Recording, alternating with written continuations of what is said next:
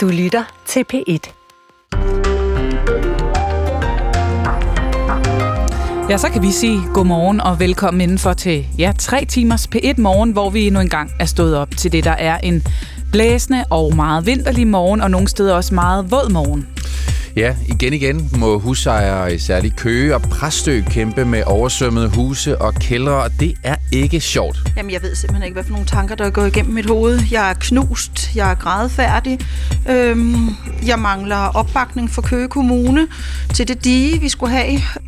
Det siger butiksejer Gitte Sørensen, og hun har ret, siger mange. Der er generelt ikke styr på at klimasikre vores byer godt nok, så hvad skal vi gøre? Det taler vi med en uh, forsker i klimatilpasning om cirka 20 minutter i syv. De danskere, der har de længste uddannelser og den højeste løn, er dem, der kommer til at få mest gavn af regeringens planer om at give gratis fertilitetsbehandling til det andet barn. Det viser en ny analyse fra Rockwoolfonden. Vi ser nærmere på, hvordan det så hænger sammen, og det gør vi sammen med professoren bag undersøgelsen om cirka 10 minutter. Så har vi den seneste tid talt en del om den massive migrantkaravane, der lige nu bevæger sig gennem Mexico mod USA's grænse. Men det er faktisk ikke kun migranter fra Syd- og Mellemamerika, der banker på døren til USA. På fire år er antallet af indere, der illegalt forsøger at krydse grænsen, tidoblet fra 10.000 til 100.000. Mere om det kvart i syv. I studiet frem mod klokken bliver 9 denne morgen er vi Pernille Rudbæk og Morten Runge. Vi begynder med historien om Claudine Gay, som efter et halvt år kun har trukket sig som rektor for det prestigefyldte amerikanske universitet Harvard, og det gør hende til den kortest siddende rektor nogensinde på universitetet. I hendes afskedsbegæring er begrundelsen, at personlige angreb og racisme har fyldt meget i hendes tid i stillingen. Hun øh, øh Information skriver i dag, som den første sorte rektor skulle hun gøre Harvard mere mangfoldig, og i stedet for så snublede hun. Men anklager om plagiering i øh, hendes forskning har også kastet nogle skygger over exitet her. Så jeg er glad for, at du er med, øh, Sara Glanowski. Godmorgen. Godmorgen. Journalist og forfatter med fra øh, New York til lige at redde trådene ud i den her historie. Lad os starte med de angreb og racismen. Hvad går det ud på? Jamen altså, man kan sige, hun var jo sådan en, øh, en historisk rektor tilbage i juli. Der blev hun Harvards første sorte rektor, blot den anden kvinde til ligesom at bestride den her øh, prestigefulde post i, i, i Harvards næsten øh, 400 år lange historie. Og hun har både sådan, som dekan og som, som rektor stået som sådan garant for diversitet, været fortaler for et pensum, som med hendes egne ord øh, omfatter ikke bare tekster af hvide mænd, men også af sorte kvinder og andre minoritetsstemmer, øh, som der jo generelt er kommet større fokus på i, i den akademiske verden efter drabet på øh, George Floyd, raceprotesterne tilbage i, i øh, sommeren 2020, men hun har også trådt ind ind i det her embede på et tidspunkt, hvor man kan man sige, kulturkampen i den grad også er trådt ind på universiteterne i USA, og for øh, konservative stemmer, der har hun ligesom været ansigtet på den såkaldte øh, Vogue-kultur, øh, som man på højrefløjen mener dominerer de akademiske miljøer i USA. Og konservative aktivister hævder, at hun er blevet ansat som rektor primært fordi hun er sort, øh, fordi hun er kvinde, og på den måde øh, er hun, mener de, symbol på sådan et overdrevet fokus på, på race og køn og, og identitet, som man i, i konservativ kulturkreds mener plager, plager det akademiske miljø i USA. Så det er det, der er racismen mod hende, at hun, at hun på grund af sin hudfarve altså, skulle have fået i, nogle fordele? Ja, altså at hun ligesom bliver, øh, at man ikke anerkender hendes meritter, at man ikke anerkender, altså at, at, at stemmer på, på højrefløjen, så man ikke anerkender øh, hendes, øh, hele hendes bagkatalog, øh, hendes, hendes øh, akademiske øh, CV, kan man sige, men siger, at hun har fået den her stilling, fordi hun er sort, fordi hun er kvinde. Og så har hun jo også, siger hun selv, øh, modtaget virkelig mange øh, hårde mails, hvor hun er blevet kaldt N-ordet og, og tilsvinet med, med racistiske tilsvininger. Så, så på mange planer. Øh, undersøgelser viser jo også, at, at øh, kvinder og, og sorte, men især sorte kvinder, øh, bliver holdt til en helt anden, anden øh, standard, som jo også er en form for racisme i, mm. i USA. Og hvorfor, øh, ja, i, i sin afskedsbegæring skriver hun så, at det er personlige angreb og racisme, der fylder meget. Er det grunden til, at hun trækker sig? Altså, at det simpelthen blev for meget for hende? Altså, altså grunden til, at hun trækker sig nu er jo, altså man kan sige, der har været den her... Øh, Først havde vi de her høringer i kongressen jo, øh, hvad hedder det, for, for noget tid siden, hvor hun jo virkelig kom ud i, i et voldsomt stormvær, og så har man, har man anklagerne øh, om, om plagiat kommet ud senere nu, som jo er ført frem af, af, af konservative stemmer, øh, og det er, jo, det er jo ligesom dem, der, der er årsagen, kan man sige, sådan øh, til, mm. at, at, øh, at hun trækker sig. Så lad os lige prøve at høre dem her. Nu siger du høringerne i øh, kongressen. Øh, Historien er, at efter krigen mellem Israel og Hamas brød ud i starten af oktober, så er flere fremtrædende universiteter kommet i øh, offentlighedens søgelys, fordi jødiske studerende ikke føler sig sikre, og det fik så i øh, december kongressen til at indkalde Claudine Gay sammen med to andre universitetsledere fra MIT og Penn State for at svare på det her spørgsmål. Does calling for the genocide of Jews violate MIT's, Penn's, Harvard's rules of bullying and harassment? Yes or no? Så er det imod reglerne for chikane og mobning på universiteterne, sådan er opildende til folkemord mod jøder? Det skulle de bare svare ja eller nej til, rektorerne. Og så svarer de... I've heard chants which can be anti-Semitic depending on the context. We are an inclusive community, but one deeply committed to free expression. It is a context-dependent decision, Congresswoman. Ja, så det er tre kvindelige rektorer, vi hører her. Claudine Gay var den midterste og siger, at vi er et inkluderende fællesskab, men, men vi er dybt forpligtet til ytringsfriheden. Hvor I bestod hendes fejltrin i de her svar? Jamen det, det, det var jo, at hun ikke, altså at hun prøver at komme med sådan et meget øh, øh, biokratisk, akademisk svar, øh, hvor, hun, hvor hun prøver at for, forsvare øh, ytringsfriheden, i stedet for at, at sige klart fra over og fordømme antisemitisme i meget klare øh, vendinger. Og det, altså, det her klip gik jo simpelthen øh, viralt. Hun var simpelthen bare ikke øh, klar nok i spyttet i forhold til at tage klar afstand fra, fra antisemitisme på et tidspunkt, hvor 73 procent af jødiske studerende på amerikanske universiteter oplever antisemitisme.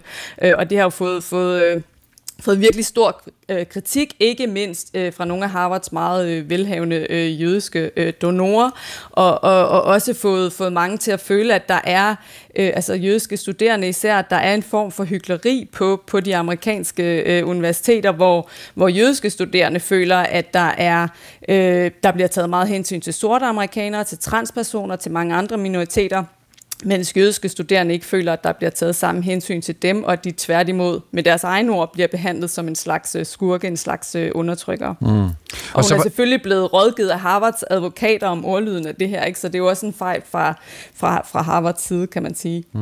Og så er der anklagerne om plagiat i hendes egen øh, forskning, som hun til dels har anerkendt og rettet. Ja, altså de her anklager dukkede, om, om, om plagiat dukkede op sådan umiddelbart efter de her øh, kontroversielle øh, høringer i kongressen. Og de anklagerne stammer jo ikke fra andre forskere i den akademiske verden, de stammer fra hendes politiske modstandere og blev, blev øh, udgivet i, i det konservative medie Washington Free Beacon. Øh, først der kom der beskyldninger frem om, at hun i sin ellers øh, prisvindende phd afhandling ikke havde citeret andre forskere øh, arbejde ordentligt, altså simpelthen øh, blev hun anklaget for, for akademisk teori, kan man sige. Og siden så kom der så flere beskyldninger i, i samme øh, medie øh, om, at hun adskillige steder i sin forskning, i sine publikationer, har, har plagieret øh, talrige sætninger fra andre forskere. Jeg tror, der var omkring 50 eksempler øh, i alt, lige fra sådan enkelte ordsammenstillinger til hele sætninger, som hun angiveligt har kopieret, uden at, at citere og henvise til, hvor hun mm. har de her oplysninger fra. Så, så Claudine Gay vil gerne skabe diversitet og mangfoldighed på Harvard, men hvad er historien om hende endt med at blive, synes du?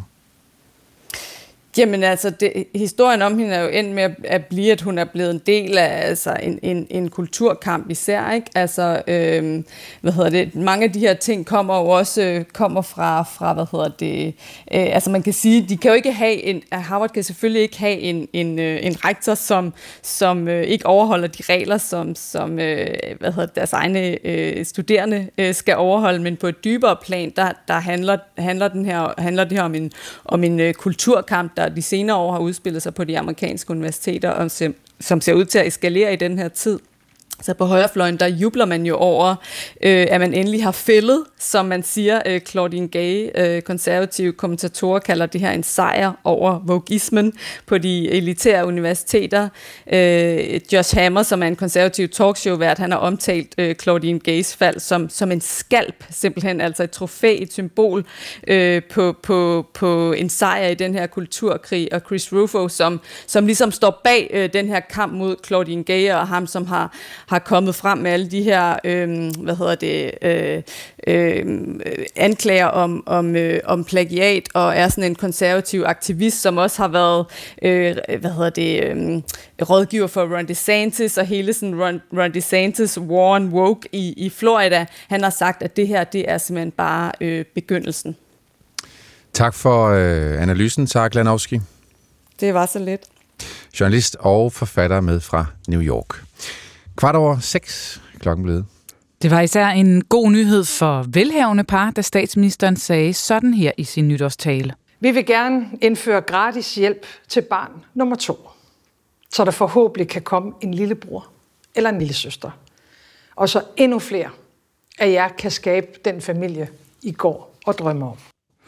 Ja, for det, var, det er hovedsageligt par med indkomster i den høje ende, som i dag gør brug af fertilitetsbehandling. Det viser en analyse fra Rockwool-fonden. Godmorgen, Peter Fallesen. Godmorgen. Forskningsprofessor ved Rockwool-fonden, som står bag den her analyse. Hvad er det helt konkret, den lyser i forhold til, hvem det er, der får gavn af det her? Ja, nye forslag om, at man fremadrettet også kan få gratis hjælp til barn nummer to. Men det vi har set på, det er at givet man får et barn, jamen hvad er så sandsynligheden for, at det barn er født efter en form for, øh, hvad hedder det, assisteret befrugtningsbehandling. Og der kan vi se, at hvis man ligger i den høje ende af indkomstfordelingen og har en lang uddannelse, jamen så er det mere sandsynligt, at man har, øh, har fået hjælp til at, til at få det barn, også efter vi har kontrolleret for, hvor gammel man er og, øh, og man er i parforhold. Og har I set på øh, barn nummer to, om det er samme billede, der gør sig gældende både ved barn nummer et og barn nummer to, at det er de, de par, der, har, øh, der ligger den højere indkomst ende, der primært gør brug af det? Ja, det har vi. Øh, som en del af analyse. Og så er det at sige, at man, man er ligesom nødt til at få barn nummer et, før man kan få barn nummer to. Så hvad skal man sige, barn nummer et ligesom også bliver, bliver definerende for, om man når til, til, til andet skridt. Mm. Og, og er det så fordi velhavende par, og også generelt måske er bør, øh, par, der får børn sent i livet, øh, hvor fertiliteten kan være mere udfordret, eller hvad viser jeres analyse om årsagen bag det her billede? Altså, hvad skal man sige? I den her analyse har vi ikke gravet os selv direkte ned i årsagen, men, men det vi ved, og det vi også kan se fra, fra anden forskning, vi har lavet, jamen det er, for det første har du helt ret i, at folk med længere uddannelser får børn senere, men de er generelt også mere tilbøjelige til overhovedet at få børn. Derudover så ved vi bredt, at højere uddannelse og højere indkomst er bedre, for med, den, med, med de ressourcer er bedre til at bruge sundhedssystemet på måder, hvor man selv skal opsøge det. Og det kan både gælde at gå, få gået til lægen, men det kan også gælde at, øh, at søge behandling i, øh, for, for hvad hedder det, problemer med fertiliteten. Mm-hmm. Så når du ser på det forslag, regeringen er kommet med, om at man nu vil gøre det gratis for øh, par at få hjælp til øh, at få barn nummer to gennem facilitetsbehandling. Kan du så ud fra de tal konkludere, at det primært kommer til at gavne de mere velhavende? Jamen, det, det, altså det kommer helt sikkert til at åbne nogle døre for nogen, som måske før ikke ville have haft ressourcerne til at få barn nummer to, fordi de selv skulle betale for det. Men størstedelen af dem, der sidder i situationen, hvor de gerne vil have barn nummer to, er folk, som har flere penge. Og prøv lige igen at forklare, hvordan det... Altså, en ting er, de får, øh, for børn senere i livet, men de, har også, de er også bedre til at bruge systemet, siger du. Hvad mener du med det? Jamen, hvis nu for eksempel du skal have fertilitetsbehandling, så hvis du, hvis du er kvinde under 35, jamen, så skal du først have forsøgt i et år på at blive, øh, blive gravid, inden din læge kan henvise dig til, øh, til en klinik i det offentlige. Hvad hedder det? Og du skal have den viden, du skal være i stand til at gå til din læge med du skal, være, du skal kunne navigere de her systemer. Og der kan vi bare se igen og igen i forskellige af de her sundheds, sundheds øh, øh de dele af vores sundhedssystemer, hvor vi ligesom selv skal, skal ind og være aktive for at, at få de ydelser, vi har ret til, jamen der kan vi bare se en social skævhed. fordi at man, som hvis man er, har en kortere uddannelse og færre penge, ikke har overskud til at gå igennem det her system? Overskud, måske viden, måske mm. ressourcerne til ligesom at sætte sig ind i, hvad man egentlig har, har ret til. Men du siger så også, at øh, med de her, det her nye tiltag, at der, der kunne du godt forestille dig, at man kunne åbne for, at der rent faktisk var nogle af de mindre velhavende, som kunne finde på at gøre brug af, af tilbuddet om at få gratis hjælp til at få barn nummer to, hvilket man vel også godt kunne forestille sig i og med, at man nu gør det gratis. Helt sikkert, men hvad skal man sige, samtidig betyder det jo også, at der er en masse folk, som, som lige nu betaler for barn nummer to, som så også vil få, få barn nummer to gratis.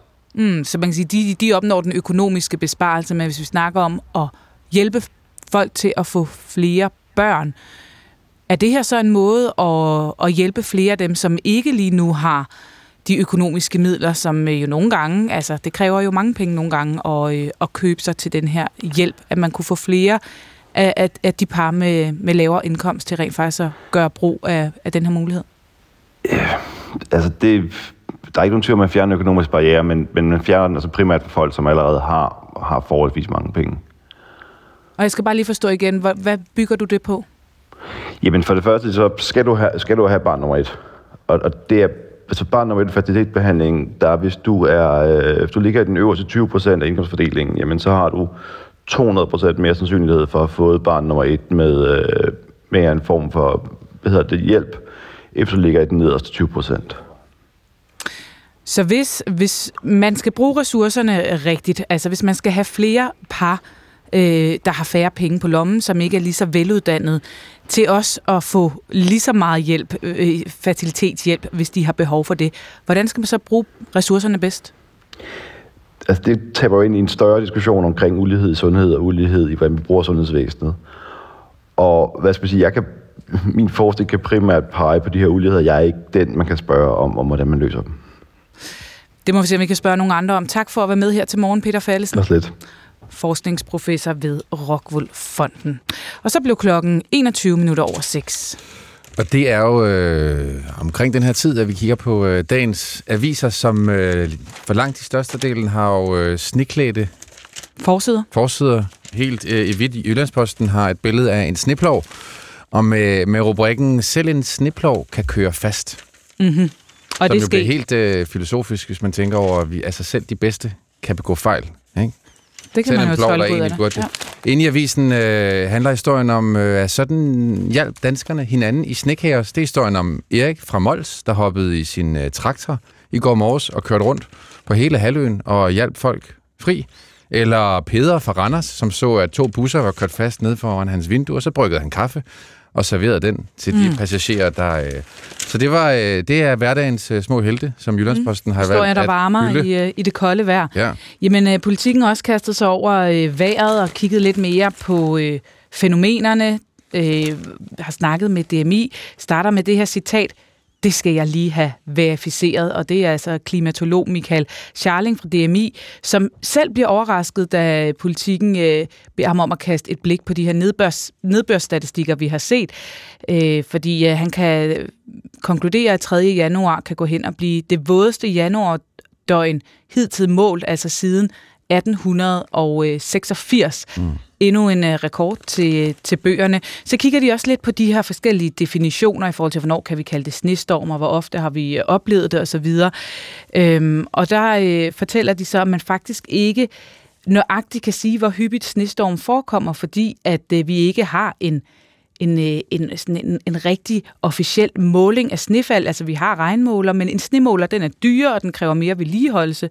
Så derfor så, øh, så ved vi faktisk ikke helt præcis, hvor mange snestorm vi har haft gennem tiden. I DMI, der bruger man i stedet for øh, de her snemåler et korps af 60-70 sneobservatører, der er spredt ud over landet, som hver morgen kl. 8 måler, hvor tykt et eventuelt snedæk er. Nå, så det kan man blive. Det kan man Som blive. frivillig, måske. Og der må ikke, der, der er efterspørgsel på det de her dage.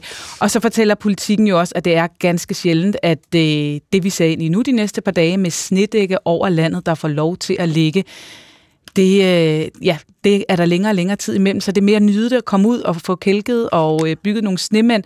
Det er sådan, at øh, sidste år var der kun 13 dage med snedække. Gennemsnittet øh, de 10 foregående år har ligget på 15 dage, og hvis man så sidder derude og tænker, der var meget mere sne i de gode gamle dage, så er det rigtigt. I årene fra 1961 til 1990 var der i øh, gennemsnit 33 dage om året med snedække. Så far har ret, når han siger, Han har faktisk at de ret. Lige, lige hvad det angår i hvert fald. Mm. Udmærket. Det er øh, valgår i USA. Det kan vi sige nu, i øh, år 2024. Selvom øh, valget først er til november, så spidser det til i de såkaldte primærvalg, hvor det afgøres, hvem partiernes præsidentkandidater er. Ja, primær, primærvalgene afholdes jo i de enkelte delstater, og det gør de allerede fra marts af og så frem mod september 2024. Og så er der jo øh, den her Super Tuesday 5. marts, hvor langt de fleste de, de bliver afholdt. Og allerede nu er feltet ved at blive øh, snævret gevaldigt ind, i hvert fald øh, blandt de republikanske kandidater, fordi når den amerikanske tv-station CNN i næste uge sender deres sidste debat fra staten Iowa, så er der kun tre kandidater, der nu får taletid. Ja, det er favoritterne, dem der har øh, over 10 procent i øh, meningsmålingerne. Eks-præsident Donald Trump versus USA's tidligere FN-ambassadør Nikki Haley versus Floridas guvernør Ron DeSantis. Godmorgen, Mads Dalgaard Madsen. Mange tak skal du have. Tidligere indrigspolitisk rådgiver på den danske ambassade i Washington. Det er jo en langstrakt, kompliceret proces, sådan et amerikansk øh, valg. Det er nok ikke sidste gang, du øh, kommer herind. Men nu har vi altså tre kandidater, der debatterer. Iowa, Staten Iowa skyder det hele i gang 15. januar. Hvad er der på spil lige nu? Jamen, det, det der er på spil her, det er, at det bliver den første, hvad kan man sige, styrkeprøve af de her to nummer to kandidater. For vi ved jo faktisk, at det er med al sandsynlighed, at Donald Trump han slet ikke møder op øh, til den her debat. Det har han ikke gjort ved nogen af de andre, så han har ligesom efterladt resten af feltet. Og det, der bliver interessant ved den her debat, det er, at det er jo kun øh, DeSantis og Haley, der kommer til at stå på den her scene og debattere og kæmpe om nummer to øh, posten i i den her kamp. Hvad, hvad giver nummer to post Jamen, adgang til? hvis jeg skal læse det her primærvalg, så giver nummer to posten adgang til at nyde godt af, hvis der sker et eller andet med Donald Trump. Altså det her, de her retssager på den ene eller anden måde får ham ned med nakken, eller han falder om og dør simpelthen. Det er det, man kæmper om i det her primærvalg. Og det kan man sige, det er måske sådan set i virkeligheden ikke så spændende. Men hvis der er noget tidspunkt, der skulle ske noget uforudsigeligt, så skulle det være det her år i amerikansk politik. Så skulle det være med Donald Trump. Hvordan er det lykkedes ham at, øh, at ende i en situation, hvor han er så relativt sikker på at blive republikanernes kandidat? Jamen, hvis der var én ting, der var en, en hovedoverskrift på 2023, så var det, at Donald Trump formåede at genskabe sin magi for 2016 og tage, man kan man sige, overtaget i det republikanske parti. Han lykkedes med at bruge de her retssager, som der blev rejst imod ham igennem 2023, til simpelthen at alt dominere den interne debat i det republikanske parti. Simpelthen suge oxygen ud af lokalet, så de andre kandidater overhovedet ikke kunne trække vejret. Så man fik den effekt, at folk, at øh, den republikanske base slog ring om Donald Trump, lavede det, man kalder rally around the flag-effekt i øh, amerikansk politik.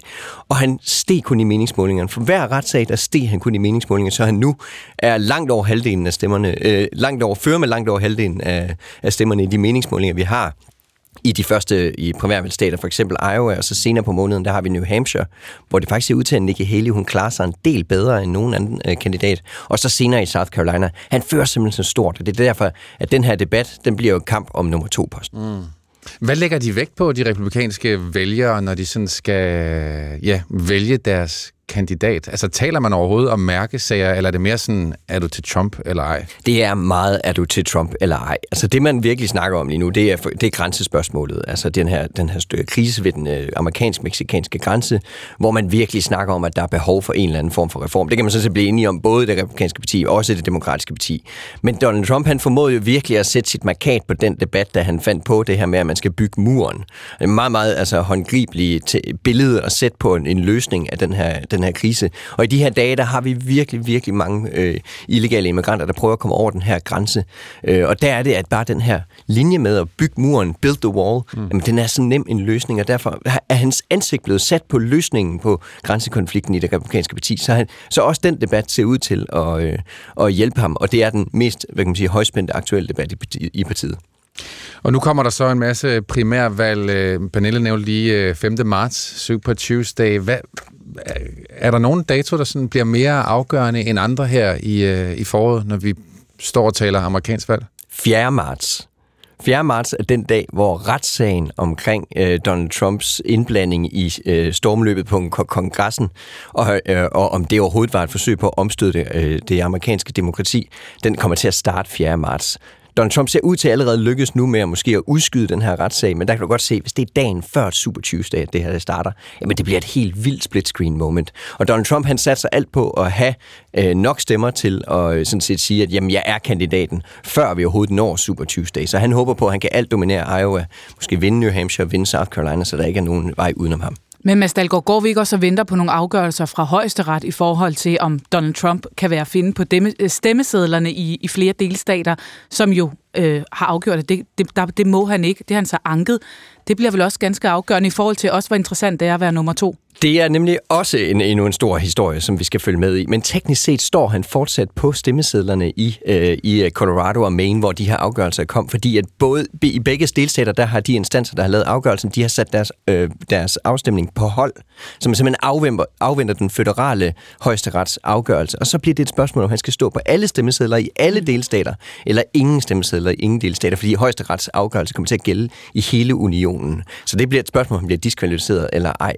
Så det den, bare endnu en ting, som vi Den afgørelse kan faktisk godt komme efter primærvalgene. Så skal vi til at kalde det sådan tidslinjeagtigt, fordi hvornår kommer den afgørelse i forhold til, hvornår valgene rent faktisk bliver afgjort? Og der er det bare, Donald Trump han igen har fundet, jeg vil næsten kalde det glitch in the matrix, hvor retsstaten den står og gnider op imod det demokratiske proces på en måde, som vi ikke rigtig har set før. Fordi spørgsmålet er jo, om en højesteretsafgørelse, kan den så omstødet demokratisk valg, der allerede er blevet afgjort. Mm. Altså, og den når ikke at komme ind, siger du? Det ved vi ikke nu. Vi har ikke nogen dato endnu, men de har godt nok travlt der i den føderale højesteret. Men kan den det så, højesterets kendelse? Det ved vi ikke rigtigt endnu. Det er igen det et stykke juridisk ubetrådt land, som Donald Trump han har alle sammen fået os ud på. I den her kamp om nummer to, bare lige her til sidst, mellem Nikki Haley og Ron DeSantis. Hvordan står det? Nikki Haley står klart stærkest. Hun har en vej. Hold øje med det over den næste halvanden måned. Kan hun klare sig godt i Iowa? Kan hun slå DeSantis i Iowa? Så står hun så godt i meningsmålet. Hun måske kan vinde i New Hampshire, og så er hun konkurrencedygtig i South Carolina, hvor hun jo var tidligere guvernør. Så der kommer et slag til at stå. Det er hendes vej. DeSantis, han ser ikke til at have nogen som helst vej til den her. Vi ses i løbet af de næste måneder. Mads Dahlgaard Madsen, tak fordi du kom. Det var så lidt. Tidligere indrigspolitisk rådgiver på den danske ambassade i i øh, Washington. Og så er der stensikkert genvalg til Mortensen og Lauritsen som nyhedsoplæser, også her til morgen. Værsgo. Ja, tak for det. Der er sådan set også genvalg til vintervejret, som vi jo var godt omkring i går, fordi det skaber altså stadigvæk problemer mange steder her til morgen. Flere steder i landet der er der nemlig fortsat varsel om snestorm i de kommende timer. Og en af dem, der har fået vejret at føle, det er lastbilchauffør Lars Gårup, der her til morgen stadig sidder fast på motorvej E45 nord for Aarhus. Det har han sådan set gjort siden i går eftermiddag, uden vand eller mad.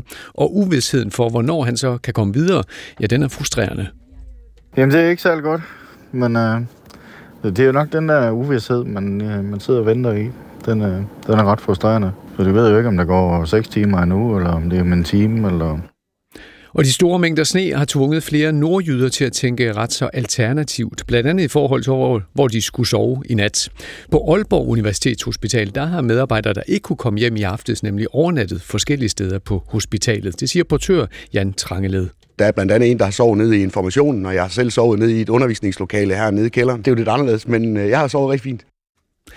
Den anspændte situation i det Røde Hav, hvor flere skibe er blevet angrebet af Houthi-oprørere fra Yemen, blev i aftes diskuteret i FN's Sikkerhedsråd.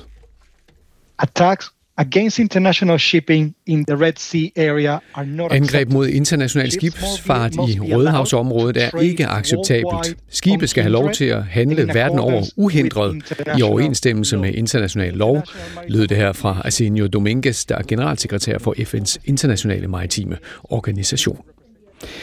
Herhjemme først på dagen skyde med sne og snefyning rigtig mange steder, men efterhånden der kommer der faktisk også perioder med lidt eller nogen sol og kun lokale snebyer. Omkring frysepunktet ned til 5 minusgrader. Vinden den er frisk til cooling omkring nordøst, og den aftager sig også i løbet af dagen. Og dermed tilbage til jer, Pernille Rudbæk og Morten Runge. Ja, for det er ikke bare migranter fra Sydamerika, der er i kilometerlange karavaner lige nu søger mod nord for at skabe sig en bedre fremtid i USA ved at krydse den amerikanske grænse illegalt. Også mange migranter fra Indien søger for tiden mod USA. Sidste år forsøgte næsten 100.000 øh, inder at krydse grænsen fra Mexico og fra Kanada. Det er en tidobling på bare fire år. Og med det, godmorgen til dig, Sonja Furu. Godmorgen. Weekendavisens korrespondent i New Delhi. Hvordan kan det være, at vi ser den her voldsomme stigning i antallet af illegale migranter fra Indien til USA siden 2020?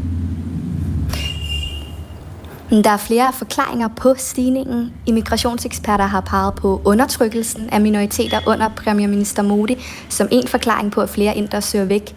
Modi bliver kritiseret for at vil gøre Indien til en stat for hinduer på bekostning af landets mange minoriteter. Kristne indere, muslimske indere, sikher, som ikke længere føler sig hjemme i Indien. En anden forklaring er, at menneskesmuglere har fået øjnene op for det her marked, for de her mange indere, som ønsker at emigrere, og ikke nødvendigvis har ressourcerne til at gøre det på lovlig vis, eller simpelthen bare ønsker at komme afsted nu. En tredje forklaring er nemlig den lange ventetid på visum i Indien. Det kan tage op til flere år at få visum til USA, og det gør altså, at flere vælger alternative metoder til at komme afsted nu. Ja, hvordan forsøger man at, at komme afsted fra Indien? Fordi uh, modsat uh, de uh, karavaner, vi ser, der kommer ned fra Syd- og Mellemamerika, så er der jo en anden geografisk udfordring, kan man sige, i forhold til at, at søge fra Indien mod USA. Ja, det er rigtigt. Der er cirka dobbelt så langt fra Indien til USA, som der er fra Danmark til USA. Men indere der forsøger at komme ind i USA ved to grænser. Den ene er grænsen ved Kanada i nord, og den anden er grænsen ved Mexico i syd. Og ud af de cirka 100.000 illegale indiske migranter, som forsøgte at krydse den amerikanske grænse i år, øh, forsøgte omtrent 30.000 af dem at krydse den kanadiske grænse, øh, mens resten krydsede den sydlige grænse ved Mexico. Og der er kreative veje til at komme dertil. Lige inden jul blev et fly stoppet af de franske myndigheder i Paris, Ombord på det her fly var der 286 inder, som var på vej videre fra Frankrig til Mellemamerika, og man stoppede flyet i Paris, fordi man havde den mistanke, at passagererne var en del af en ulovlig menneskesmugling fra Indien til USA. Og flyet blev sendt retur til Mumbai, og langt de fleste ombord på flyet var unge mænd, og størstedelen af dem var sikher, som er en religiøs minoritet i Indien, hvor flere mener, at de ikke længere kan leve i Modis Indien. Men man ser også hele familier, som illegalt forsøger at emigrere. Sidste år blev en fattig familie på fire med to små børn fundet døde nær den amerikanske grænse til Kanada. De havde taget turen fra en landsby i Gujarat og blev adskilt fra den gruppe, de rejste med under en snestorm, og deres liv blev fundet kun 13 meter fra grænsen. Hmm. Så det er med livet som indsats af flere der illegalt forsøger at emigrere til USA. Men nu siger du, at man stoppede det her fly, fordi man havde mistanke om om en form for organiseret menneskesmugling. Hvor udbredt er det? Ja, det er i hvert fald det, man stærkt formoder med flyet i Paris.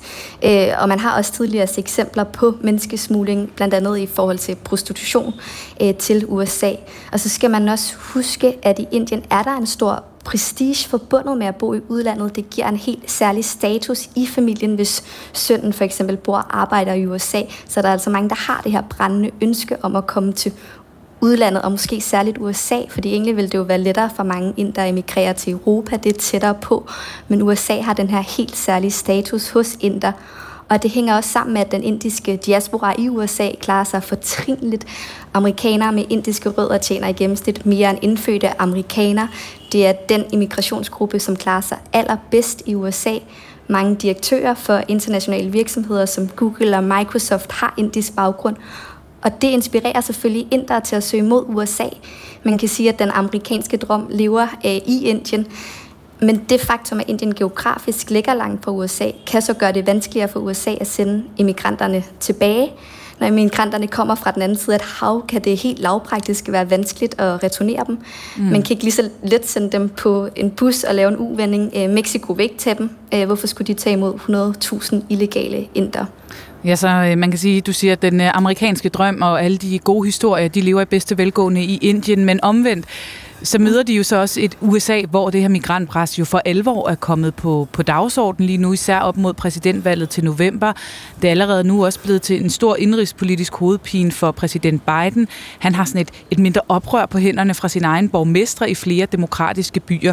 Vi skal lige høre Sarah Glanowski, der er journalist og forfatter, som bor i New York, øh, og som var med i P1-orientering i tirsdags og fortalte om lige præcis det her oprør fra borgmestrene det er mm. en af Joe Bidens allerstørste øh, udfordringer lige nu. Øh, på det seneste har borgmestre i byer som Chicago, Denver, New York, hvor jeg jo befinder mig, råbt op om, at deres byer simpelthen befinder sig på bristepunktet. De kan ikke huse flere immigranter. Vi har set øh, den republikanske guvernør i Texas, Greg Abbott, i, i vrede sende busser af immigranter mod øh, demokratiske byer, som for eksempel New York. Og mange mm. af de her øh, borgmestre tryller jo Joe Biden og den føderale regering, øh, regering undskyld, om, om hjælp, og det er simpelthen det er en massiv udfordring. Sonja Furo, Weekendavisens øh, journalist i New Delhi. Hvad gør øh, Biden for at stoppe tilstrømningen fra Indien? Altså det korte svar er jo mere sikring ved grænserne, men så må man jo også formode, at der er en diplomatisk dialog mellem USA og Indien om at få stoppet de her menneskesmugler, som sender folk afsted på farlige ruter med falske håb, Indien har i hvert fald sat gang i en større efterforskning efter episoden med flyet i Paris, så man formoder, øh, der var menneskesmugling involveret der. Øh, men det er som sagt nyt, at man ser en større gruppe af illegale immigranter fra Indien, så man er formentlig stadig i gang med at finde ud af, hvordan man skal håndtere det i USA. Tidligere har det i høj grad været inder med lange universitetsuddannelser og gode engelskkundskaber, som er emigreret, og den gruppe er USA jo meget interesseret i at modtage, men det samme gør sig ikke gældende for gruppen af illegale immigranter. Dem ønsker USA at sende retur, og som det er lige nu, er det jo et langt større problem for USA og Biden, end det er for Indien. 100.000 indere betyder ikke det store i et land med 1,4 milliarder mennesker. Øh, det skal Indien nok overleve, men det er jo som sagt et problem for Biden med det stigende antal illegale, illegale immigranter. Øh, her skal man også huske, at inderne stadig udgør en meget lille andel af den immigrantstrøm, som søger mod USA. Det opsigtsvækkende er stigningen, for fortsætter den, kan det blive et stort problem. Tror du, øh, Sonja Furu, at den her nye bølge af indiske immigranter vil klare sig lige så godt, når de når ind, som dem, der var der i forvejen, som jeg kan forstå, de klarer sig godt, fordi de måske har en bedre uddannelse og, og, øh, og, og derfor skaber sig et bedre liv. Vil de klare sig lige så godt, tror du? Det er et rigtig godt spørgsmål. Det ved vi jo ikke endnu, øh, men øh, de har jo svære forudsætninger for at klare sig godt. For det første, fordi deres engelskkundskaber ikke er lige så gode. Måske øh, kan de slet ikke engelsk, hvis de ikke har gået på universitetet eller gået i engelsksprogede skoler i Indien. Øh, så de kommer og har ikke de samme ressourcer som øh, den anden gruppe af emigranter, så man må formode, at det bliver sværere for dem at, at opnå samme succes, som den indiske diaspora i, i USA har gjort hidtil. Tak for at være med her til morgen, Sonja Foro. Selv tak. Weekendavisens journalist i New Delhi. Og med det blev klokken 19 minutter i syv. Pavel Alexejevich Marinechev og PJSC Al-Rosa. Ja, hvad er det? Ja, det er måske ikke et navn og en virksomhed, som er så kendt herhjemme, men det er navnet på topchefen i verdens største diamantmine-selskab, som netop er blevet tilføjet den øh, europæiske sanktionspakke mod Rusland. Ja, selskabet er ejet af den russiske stat og står for over 90 procent af Ruslands diamantproduktion. Godmorgen, Brian Bak Mauritsen. Godmorgen. Du har arbejdet med diamanter i 30 år. Du har rådgivet øh, i investeringsdiamanter. Hvad er øh, Alrosa for en øh, virksomhed? Mm, Alrosa er en stor virksomhed. Alrosa har faktisk før Ukrainekrigen stået for cirka 30 procent af alle de rådiamanter, vi får ud på verdensmarkedet. Og øh, der er nok mange, der ikke kender Alrosa alt for godt, men kender navnet De Beers, øh, som også er en stor spiller på diamantmarkedet. Og, og der er Alrosa faktisk, de leverer øh, flere diamanter til diamantmarkedet, end øh, De Beers gør. Og de finder dem i miner i Sibirien, Sibirien, ja, øh, typisk i, i den nordlige del af, af Rusland, men, men faktisk også øh, har Alrosa nogle af de diamanter, miner, der ligger tættest på Danmark, øh, som ligger op i Anglisensk, mm. som ligger ikke mere end 1500 km herfra.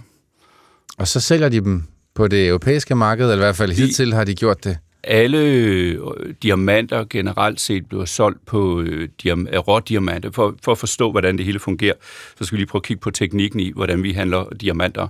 Fordi når vi handler, når Alrosa handler deres diamanter, så handler de ikke med små, fine, funklende diamanter, som vi ser i butiksvinduerne.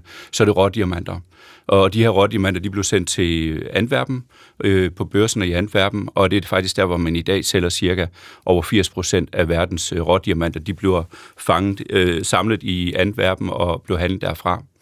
Øh, når det så er sket, jamen så øh, bliver øh, diamanterne øh, for de fleste vedkommende sendt videre til Indien, hvor øh, Indien står for i dag cirka 85 procent af alle de diamanter, der bliver øh, slæbet i verden, bliver slæbet i Indien. Så det er ligesom, hvordan processen er. Så for at undgå, at altså det, der kommer til at ske fremadrettet, det er jo selvfølgelig, at Alrosa ikke kommer til at sælge deres rådiamanter i, i, i Antwerpen, øh, på grund af, at EU nu har lavet øh, et ban for øh, russiske diamanter Alrosa, og der er også kommet et øh, sanktioner fra øh, G7-landene.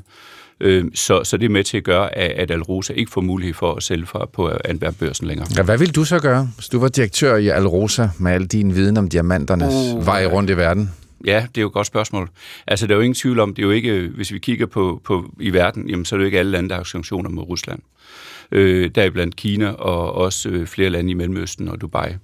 Øh, så man kan, man kan sige, når, øh, øh når øh, Rosa står for 30 procent af, af verdens øh, diamantproduktion, så kan de ikke flytte deres handel fra den ene dag til den anden dag til et andet land. Øh, det er simpelthen for en stor øh, organisme, man skal, man skal flytte rundt på. Men, men, men, men det, man kan, det har man ikke sagt, at Alrosa ikke får mulighed for at sælge nogle af deres, deres, deres diamanter i for eksempel Kina eller til Dubai. Mm. Men hvor stort et slag er det alligevel for det, dem? Altså, er det et spørgsmål om tid, så kan de lige finde nogle andre markeder, eller det, er der noget, der ikke kommer tilbage? Jeg vil sige, det er et pænt stort slag øh, for, for Alrosa, fordi øh, at når, man, når man snakker om så, så stor en del af diamantmarkedet, at de ikke får mulighed for at handle igennem Antwerpen. Øh, det, det får en vis betydning. Det er muligt, at man kan, de kan stadigvæk sælge en procentdel eller 5 eller 10 procent af deres diamantproduktion til Kina eller, eller til Dubai, men de kommer ikke til at kunne sælge det hele. Det, det vil vi komme til at se i, i 2024-2025. Så det er et effektivt øh, slag fra øh, EU. Jeg, jeg ved ikke, om du ved det, men, men hvorfor kommer det først nu, næsten to år efter, at Rusland gik ind i Ukraine, hvis det er så oplagt at ramme dem på den måde? Jamen, det, det er svært. Det er også det der med, at man kan jo godt lave sanktioner, men om de virker. Øh, vi skal jo finde ud af, hvordan, altså allerede, øh, selvom der er nu lavet sanktionerne, så er det faktisk ud fra G7-lande, at det først omkring i marts måned, at de træder i kraft, og først til september, hvor man har fundet nogle retningslinjer for, at man laver den her sporbarhedsteknik. Fordi i dag er det jo sådan, at, øh, som jeg sagde, var inde på før, at Indien sliber cirka 85 procent af alle diamanter i verden. Og det er jo diamanter, der kommer fra, fra, fra børsen i Antwerpen. Når diamanterne bliver slebet i Indien, så efter de er slebet, så bliver de sorteret ud for størrelse, kvalitet, farver. Og på den måde, så blev alle diamanterne blandet. Og det, det er der ligesom, der man skal ind og lave en sporingsteknik. Og nu skal vi forstå, vi taler om bitte små sten, der er nogle, nogle gange ikke større end knappen hos hoved. Øh, og der skal vi lave en sporingsteknik på, på, på tusindvis af de her sten. Øh, så hvordan det kommer til at ske, øh, er jeg ikke klar over, men, men det har jo heldigvis været sådan, at diamantindustrien har inden for de sidste 5-8 år prøvet på at lave en bedre sporingsteknik, øh, fordi at øh, for forbrugerne har det været en større efterspørgsel på at få at vide, hvor deres diamanter kommer fra. Så siger du, at det er stort set umuligt, det arbejde, man går i gang med, at det mere handler om symbolpolitik, end øh, noget, man reelt kan føre ud i livet, det her? Altså, ligesom det er nu, så, så er, det jo en, altså, er det jo en handling, man, man, man, har, man har truffet en beslutning, som man skal finde ud af, hvordan man øh, sikrer, at, at det bliver opretholdt. Øh, og det har man ikke helt styr på endnu, og, og det arbejder man stærkt på lige i øjeblikket. Og jeg ser det faktisk lidt, fordi det, der er sket, nu har diamantindustrien prøvet på i, i mange år at prøve på at lave deres egen øh, sporingsteknik med diamanterne. Men nu får vi så endelig også, skal vi sige, lidt politisk øh, skub bag i for at finde nogle løsninger på, hvordan man laver de her øh, ting for at spore diamanterne. Men det lyder meget omstændigt, hvis ikke umuligt. Øh, jeg, jeg skal ikke sige, hvad der er umuligt, og hvad der, ikke, hvad der er muligt, og hvad der ikke er umuligt, men, men det, det, det er for større diamanter på en halv grad op efter, så er det muligt at lave en spor, sporingsteknik. Det, er ikke, det, det, det skal vi nok kunne finde ud af. Men når vi taler om bitte, bitte små diamanter, og 80 procent af, af det, som Alrosa sender ud til verdensmarkedet for at blive slæbet, det er bitte, bitte små diamanter. Det er ikke store sten. Men samtidig sagde du lige før, Brian Bak Mauritsen, at det er et hårdt slag for Alrosa. Ja. Korrekt, fordi at de kan ikke sælge deres diamanter på Antwerp-børsen, som de gjorde tidligere. Mm. Så de skulle ud og finde nogle nye salgskanaler. Og den vej der, og der er vi tilbage ved, ved dig som fiktiv øh, direktør for Alrosa. Altså, hvor, hvor svært er det for, for sådan et russisk selskab at gå øh, ind på et andet marked og erstatte det, som Antwerpen kunne give, og som de nu ikke længere har adgang til? Ja, nu, nu håber jeg, at direktøren for Europa har bedre indblik i, hvordan de arbejder, end jeg har, hvordan Rosa arbejder. Ja. Men, men jeg, jeg, så længe, at der ikke er sanktioner fra øh, flere lande i Mellemøsten, og især fra Kina, på de her ting, jamen, så vil de da have mulighed for at, at få nogle af diamanterne ud øh, på den, igennem de, de, de lande. Men man skal jo huske på, så ser kineserne og, og, og folk i Mellemøsten med en masse rådiamanter. Det kan de ikke rigtig bruge til noget, før de slipper. Det vil sige, så skal de jo igen sendes til Indien for generelt set for de fleste diamanters vedkommende for at blive slebet. Og, og så er det igen, at inderne, det er jo det, er, det hele for at lave en sporingsteknik og for at sørge for, at de her sanktioner kommer til at fungere godt, jamen det kommer til at handle om, hvordan vi får lavet nogle, øh, øh en, nogle regler, øh, hvordan de indiske diamantsliber skal øh, lave nogle øh, beviser for, at det her det ikke er diamanter fra Alrosa. Og så bare et økonomisk perspektiv, Brian Bak, til sidst. Øh, Alrosa er klart den største spiller på diamantmarkedet. 4,4 milliarder euro i øh, det er det, man forventer, at den russiske stat øh, tjener om, om året på det. Hvor, hvor stort et indhug, tror du, at sådan nogle sanktioner her vil gøre i den fortjeneste? Jeg tør ikke at spå om det. Det, det, det tør jeg ikke at sige, men, men, men, men, men i og med, at de ikke kan sælge via børsen i Antwerpen, så, så får de nogle udfordringer med at komme ud og, og prøve på at få solgt det her, hvor, hvor stor et indflydelse det får, og generelt hvor stor indflydelse det får på diamantmarkedet som helhed, fordi at vi lige pludselig mister 30 procent af, af, af øh, udbuddet på diamantmarkedet. Øh, vi har set i, i fjerde kvartal i Indien, at øh, der er øh, blevet øh, slebet færre diamanter i, i fjerde kvartal i Indien.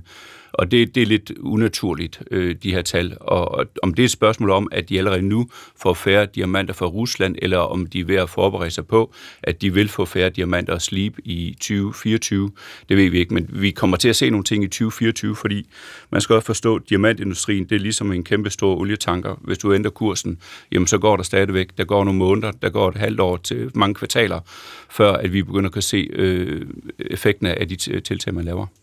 Vi må se, hvordan det går i historien om de russiske diamanter. Tak fordi du kom. Selv tak. Brian Bak Mauritsen, altså øh, har arbejdet med diamanter i 30 år og har rådgivet øh, i inden for branchen.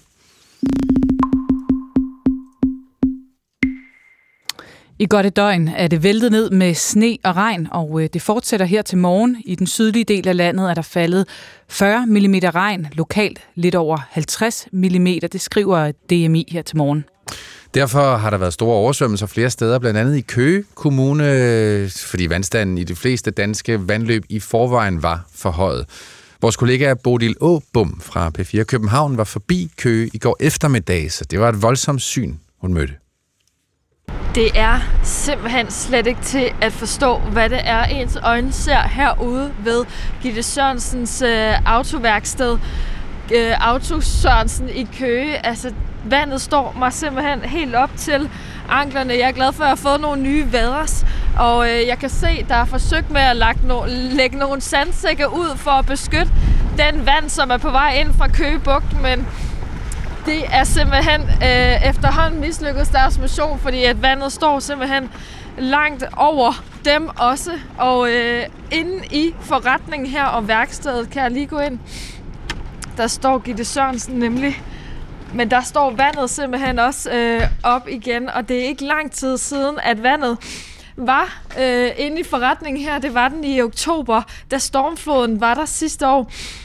Gitte Sørensen, nu øh, står du igen i den her situation, hvor øh, din forretning og dit værksted simpelthen står under vand. Ja. Hvad er det for nogle tanker, der går igennem hovedet dig, øh, øh, på dig i dag? Jamen, jeg ved simpelthen ikke, hvad for nogle tanker, der går igennem mit hoved. Jeg er knust, jeg er grædfærdig. Øhm, jeg mangler opbakning for Køge Kommune til det dige, vi skulle have. Øhm, Ja, lige nu der ved jeg simpelthen slet ikke, hvor jeg skal starte og hvor jeg skal, skal slutte henne. Øh, jeg skal alle vægge, vi lige havde fået sat op fra stormfloden i oktober, de skal pilles ned igen. Øhm, og så kan vi starte forfra med at affugte vægge og få gjort klar. Ja. Hvis vi lige kigger en tur rundt i, i forretningen, så kan jeg jo se her, der er der stadig lidt rester af de øh, ja. vægge, I næsten lige havde fået færdige. Ja. Og, øh, og man kan se, at, øh, at vandet står så altså, altså op på væggen ja. igen. Øh, hvad er det, der skal ske nu her i din forretning? Jamen altså lige nu, der venter vi på, at vandet det trækker sig tilbage igen, og så skal vi have en slamsuger ud og øh, tømme det vand, der er tilbage i både forretning og værksted. Og så skal vi have gjort rent, og så skal vi have, så vi kan få alt salvandet ud, og så skal vi have en tømmer til at rive alle væggene ned igen. Og som sagt, så er det jo bare to måneder siden, at ja. var i den her øh, øh, oplevelse, var jeg lige ved at sige, der, vi ser flere og flere af de her hændelser. Altså, får du nogle tanker om, hvad der skal ske i fremtiden for din forretning? Ja, altså hvis ikke Køge Kommune de begynder at arbejde hurtigt nu med det dige, øh, eller en anden løsning, fordi her omkring min forretning, der ligger åer på begge sider og nede for enden. Og øh, jeg har fået at vide, at de åer de ikke er blevet vedligeholdt fra Køge Kommunes side øh, de sidste mange år. Og hvis ikke man tager action på det nu, så er jeg der, hvor jeg tænker, at jeg har kun et valg, og det er at lukke min forretning, for jeg kan jo ikke blive ved. Jeg har ikke engang fået penge fra stormfloden fra sidste gang, så jeg kan jo ikke blive ved med at punge ud selv. Så øh, jeg har mange tanker i mit hoved lige nu. Ja, gentagende oversvømmelser fra øh, Birgitte Sørensen her. Ingen udsigt til, at det bliver bedre, når man tænker på de klimaforandringer, som øh, alt andet lige betyder, at vi vil se mere af det her ekstreme vejr. Og med det, godmorgen til dig, Birgitte Hoffmann. Godmorgen. Forsker i klimatilpasning ved Institut for Planlægning på Aalborg Universitet. Nu hører vi her et eksempel, et sted i Danmark, hvor det kniber med klimatilpasningen, men generelt set, hvor gode er vi så til at klimatilpasse vores byer til øh, det vejr, som vi allerede nu ser udspille sig, og som der vil komme mere af i fremtiden? Det er jo meget tydeligt, at vores systemer og mange af vores byområder er sårbare over for øgede regnmængder. Og øh, der er mange, altså, som vi også lige har hørt nu, som har kæmpet med vand i lang tid, og det er jo en meget overskridende oplevelse, både arbejdspladser og især i vores hjem, hvor vi gerne vil opleve som et trygt sted at være. Og så er vi jo også afhængige af, at vores infrastruktur fungerer, så klimatilpasning er et virkelig vigtigt område, vi skal arbejde med nu og mange år frem i tiden. Og faktisk er Danmark øh, rigtig langt fremme. Vi har øh, vi er nogle af de steder i verden, hvor folk kommer og kigger på, hvordan man kan gøre med de her ting. Men øh, vi har også samtidig nogle meget øh, store problemer, og øh, vi skal nok øh, sætte mere øh, fart på de forandringer, der skal ske. Så på den ene side er vi langt fremme og inspirerer andre steder i verden, og på den anden side, så står vi stadig med nogle udfordringer. Hvor i består de største udfordringer her nu? Jamen altså, problemet i byerne, nu, hvis vi nu kigger på byerne, og hvis vi også kigger på regnmængder, fordi det, som vi har oplevet i Køge, og som vi hørte om nu, handler jo også om, at der var østenvind, som pressede vandet ind i bugten. Så der er jo mange byer, der har flere problemstillinger, hvor både vandet kommer øh, udefra, og, og også kommer fra baglandet. Så hvis nu kigger på regnvandet især, så kan man sige, at øh, den ene store problemstilling hænger sammen med, at vandet fra det åbne land ofte ledes gennem byerne, før de når havet. I Køge og mange andre steder, så fyldes åerne med mere vand, end der er plads til. Og baggrunden er, at åer og vandløb i Danmark gennem mere end 100 år er blevet brugt til at bortskaffe vandet fra vores dræning af landbrugsjorden. Så for at kunne tage mere land, øh, jord under plov, så har vi drænet i det åbne land. Der er cirka 80 procent af landbrugsjorden på Fyn og Sjælland og Østjylland er drænet. Og det vil sige, at der under de danske marker er et kæmpestort net af åre, som fjerner vandet, så vi kan dyrke jorden. Måske jord, der tidligere var lidt for vådt. Så vi har også fjernet de vandhuller og andre fugtige områder, hvor der ellers var plads til vandet. Og så har vi ledt det ned i åerne, og øh, så fylder det simpelthen for meget. Men der er også den, meget den store byudvikling, som vi har set især efter 2. verdenskrig med enfamilieshus omkring byerne. De har også krævet dræning mange steder. Det er fugtige jorder, der er blevet mm. drænet. Og så bruger vi åer og vandløb til at skaffe vandet bort ud til havet. Og når det så regner kraftigt, og også som nu, hvor at, øh, det har regnet gennem meget lang tid, så alle vores systemer er fyldte, så bliver mark oversvømmet, men også de byer, som årene løber igennem, de bliver naturligvis også oversvømmet. Det er noget så det, så grundlæggende, siger du, så er alle de her byer, der ligger øh, tæt på kysterne, ikke bygget til at kunne håndtere de vandmængder, fordi de, de år, der løber igennem, de er bygget til at lede ja, vand fra, fra marker og så videre ud i, øh, i havene, men ikke øh, til, til voldsomme nedbørsmængder. Altså man kan sige, vi har, vi har bygget meget tæt på åer og lave områder, og det er noget, der, noget af det, der gør, at vi er sårbare i dag. Ja. Men det andet problem er også, at vores byer er meget befæstede. Altså vi har tage og asfalterede veje og fortov, så der er ikke plads til vandet, det kan ikke sive ned. Mm. Og så har vi designet byerne med nogle underjordiske kloaksystemer, som skal bortskaffe både spildevand og regnvand. Man kan sige, at målet med har været at etablere sunde byer, hvor vi ikke bliver ramt smittet af spildevand, og effektive byer, hvor vi kan gå og køre på arbejde også i regnvejr. Men med klimaforandringerne, så regner det mere, end kloaksystemet kan rumme. Måske regner det kraftigt i kort periode, og så bliver systemet fyldt op, og så flyder vandet ud i byerne. Så Birgitte Hoffmann, hvad, ja. skal vi, hvad skal vi gøre for at klimasikre vores byer bedst muligt fremadrettet? Altså, hvor er det allervigtigst at ja, sætte det, ind? Det, der er to øh, grundlæggende ting. Vi skal give plads til vandet, både i det åbne land og i byerne. Vi skal skabe øh, nogle, finde nogle steder ude i det åbne land, hvor vi synes, der er plads til vandet, hvor det ikke gør så stor skade. Omlægge noget af det landbrugsland, vi har taget under plov og give det tilbage til naturen. Det skaber også nogle nye naturværdier og nogle rekreative værdier. Øh, og inde i byerne, der skal vi også give plads til vandet. Hvordan gør vi det inde i byerne? Jamen, vi har mange gode eksempler på, at vi kan give plads til vandet gennem det, vi kalder naturbaseret tilgang eller blågrønne strukturer, hvor vi beholder vandet på byens overflade, i stedet for at lede det kloakkerne. Og et af de oplagte eksempler, det er selvfølgelig at bruge de grønne områder, der er i forvejen. Et godt eksempel er Lindevangsparken på Frederiksberg, som er en meget tæt bygget kommune. Her har parken fået et nyt design, hvor at der er plads til vandet både i en stor fordybning, øh, i den store græsplæne, som stadigvæk kan bruges til lejeaktiviteter, og i siderne af parken er der lavet render med trædesten og mere vild natur, og når det regner meget, så ledes vandet fra de omkringliggende tage over i parken, og der er vand i renderne, til det siver ned eller fordamper. Det er blevet en meget mere oplevelsesrig park med muligheder for lejeaktivitet. Så løsningerne er derude, vi skal bare have mere af det. Vi skal have rigtig meget mere rigtig af meget det. mere af det, og vi har lidt travlt måske, eller hvad? Det, det, det er der noget, der tyder på. Mm. Altså en af de store udfordringer er også i byerne, at vi, skal vi kommer nok også til at bruge vores veje. Mm. Altså, Birgitte Hoffmann, der er ja. meget, vi kunne øh, nå at vende her. Ja. Vi, vi når ikke mere, vi skal gøre plads til en radioavis, men tak for at være med. Ja, selv tak. Birgitte Hoffmann, altså forsker i klimatilpasning ved Institut for Planlægning ved Aarhus Universitet.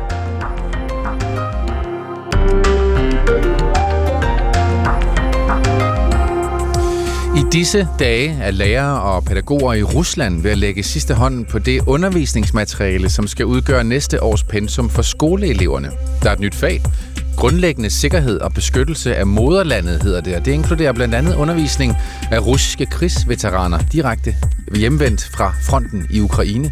Ja, vi dykker øh, helt ned i det nye skoleskema, og hvad det betyder for de russiske børns opfattelse af det, der foregår, og det gør vi cirka klokken halv otte. Og så stiger dødsfaldet efter gårdsdagens eksplosioner i den iranske by Kerman. Nu er det over 100 personer. Det var formentlig et terrorangreb. Men hvem har gjort det, og hvad er trådene til konflikten i Israel? Det skal vi også se på i den her time af Pet Morgen. Så sneer det, det regner, det har været voldsomt vejr. Det har det også været i uh, Randers, hvor det måske har været, der har været lidt ekstra på spil. Man har været i fuld gang med at håndtere det accelererende jordskred, der kan ende med at blive en uh, miljøkatastrofe. Ja, det er et oprydningsarbejde, som man nu har været nødt til at stoppe. Vi øh, får besøg af kommunaldirektøren, som giver en briefing på konsekvenserne af pausen. Med det, velkommen indenfor til endnu en times P1 Morgen i studiet. Pernille Rudbæk og Morten Runge.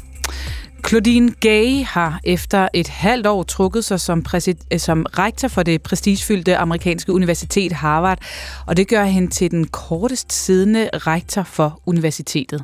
I afskedsbegæringen øh, angiver hun selv øh, personlige angreb og racisme, der simpelthen har fyldt for meget i hendes tid i øh, stillingen. Og det er lidt paradoxalt, for som den første sorte rektor, så skulle hun netop gøre Harvard mere mangfoldigt. Det fortæller Sara Glanowski, der er journalist og forfatter og med fra New York. Hun var jo sådan en, øh, en historisk rektor øh, tilbage i juli, der blev hun Harvards første sorte rektor, og blot den anden kvinde til ligesom at bestride den her øh, prestigefulde post i, i, i Harvards næsten øh, 400 år lange historie. Og hun har både sådan, som dekan og som, som rektor stået som sådan garant for diversitet, været fortaler for et pensum, som med hendes egen ord øh, omfatter ikke bare tekster og hvide mænd, men også af sorte kvinder og andre minoritetsstemmer, øh, som der jo generelt er kommet større fokus på i, i den akademiske verden efter drabet på øh, George Floyd, raceprotesterne tilbage i, i øh, sommeren 2020, men hun har også trådt ind ind i det her embede på et tidspunkt, hvor man kan man sige, kulturkampen i den grad også er trådt ind på universiteterne i USA, og for øh, konservative stemmer, der har hun ligesom været ansigtet på den såkaldte øh, Vogue-kultur, øh, som man på højrefløjen mener dominerer de akademiske miljøer i USA. Og konservative aktivister hævder, at hun er blevet ansat som rektor primært fordi hun er sort, øh, fordi hun er kvinde, og på den måde øh, er hun, mener de, symbol på sådan et overdrevet fokus på, på race og køn og, og identitet, som man i, i konservativ kulturkreds mener plager, plager det akademiske miljø i USA. Så det er det, der er racismen mod hende, at hun, at hun på grund af sin Altså, hudfarve hun skulle have fået i- nogle fordele? Ja, altså at hun ligesom bliver, øh, at man ikke anerkender hendes meritter, at man ikke anerkender, altså at, at, at stemmer på, på højrefløjen, så man ikke anerkender øh, hendes, øh, hele hendes bagkatalog, øh, hendes, hendes øh, akademiske øh, CV, kan man sige, men siger, at hun har fået den her stilling, fordi hun er sort, fordi hun er kvinde.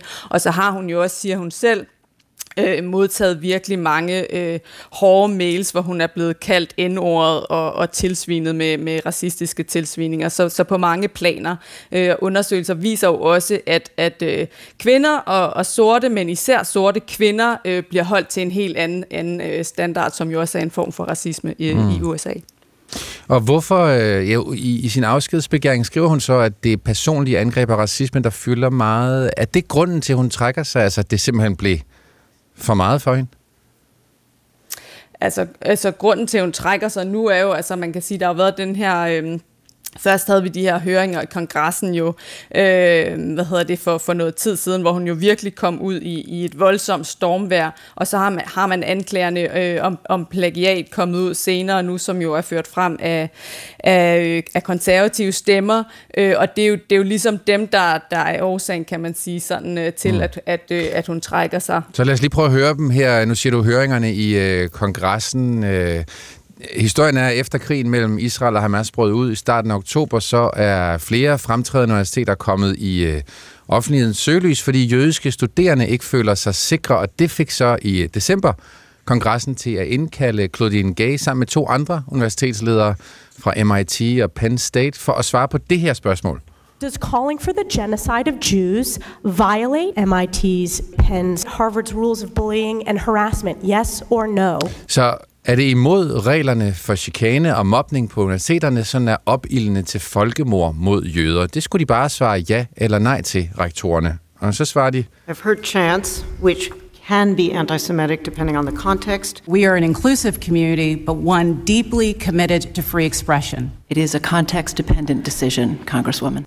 Ja, så det er tre kvindelige rektorer, vi hører her. Claudine Gay var den midterste og siger, at vi er et inkluderende fællesskab, men, men vi er dybt forpligtet til ytringsfriheden. Hvor I bestod hendes fejltrin i de her svar?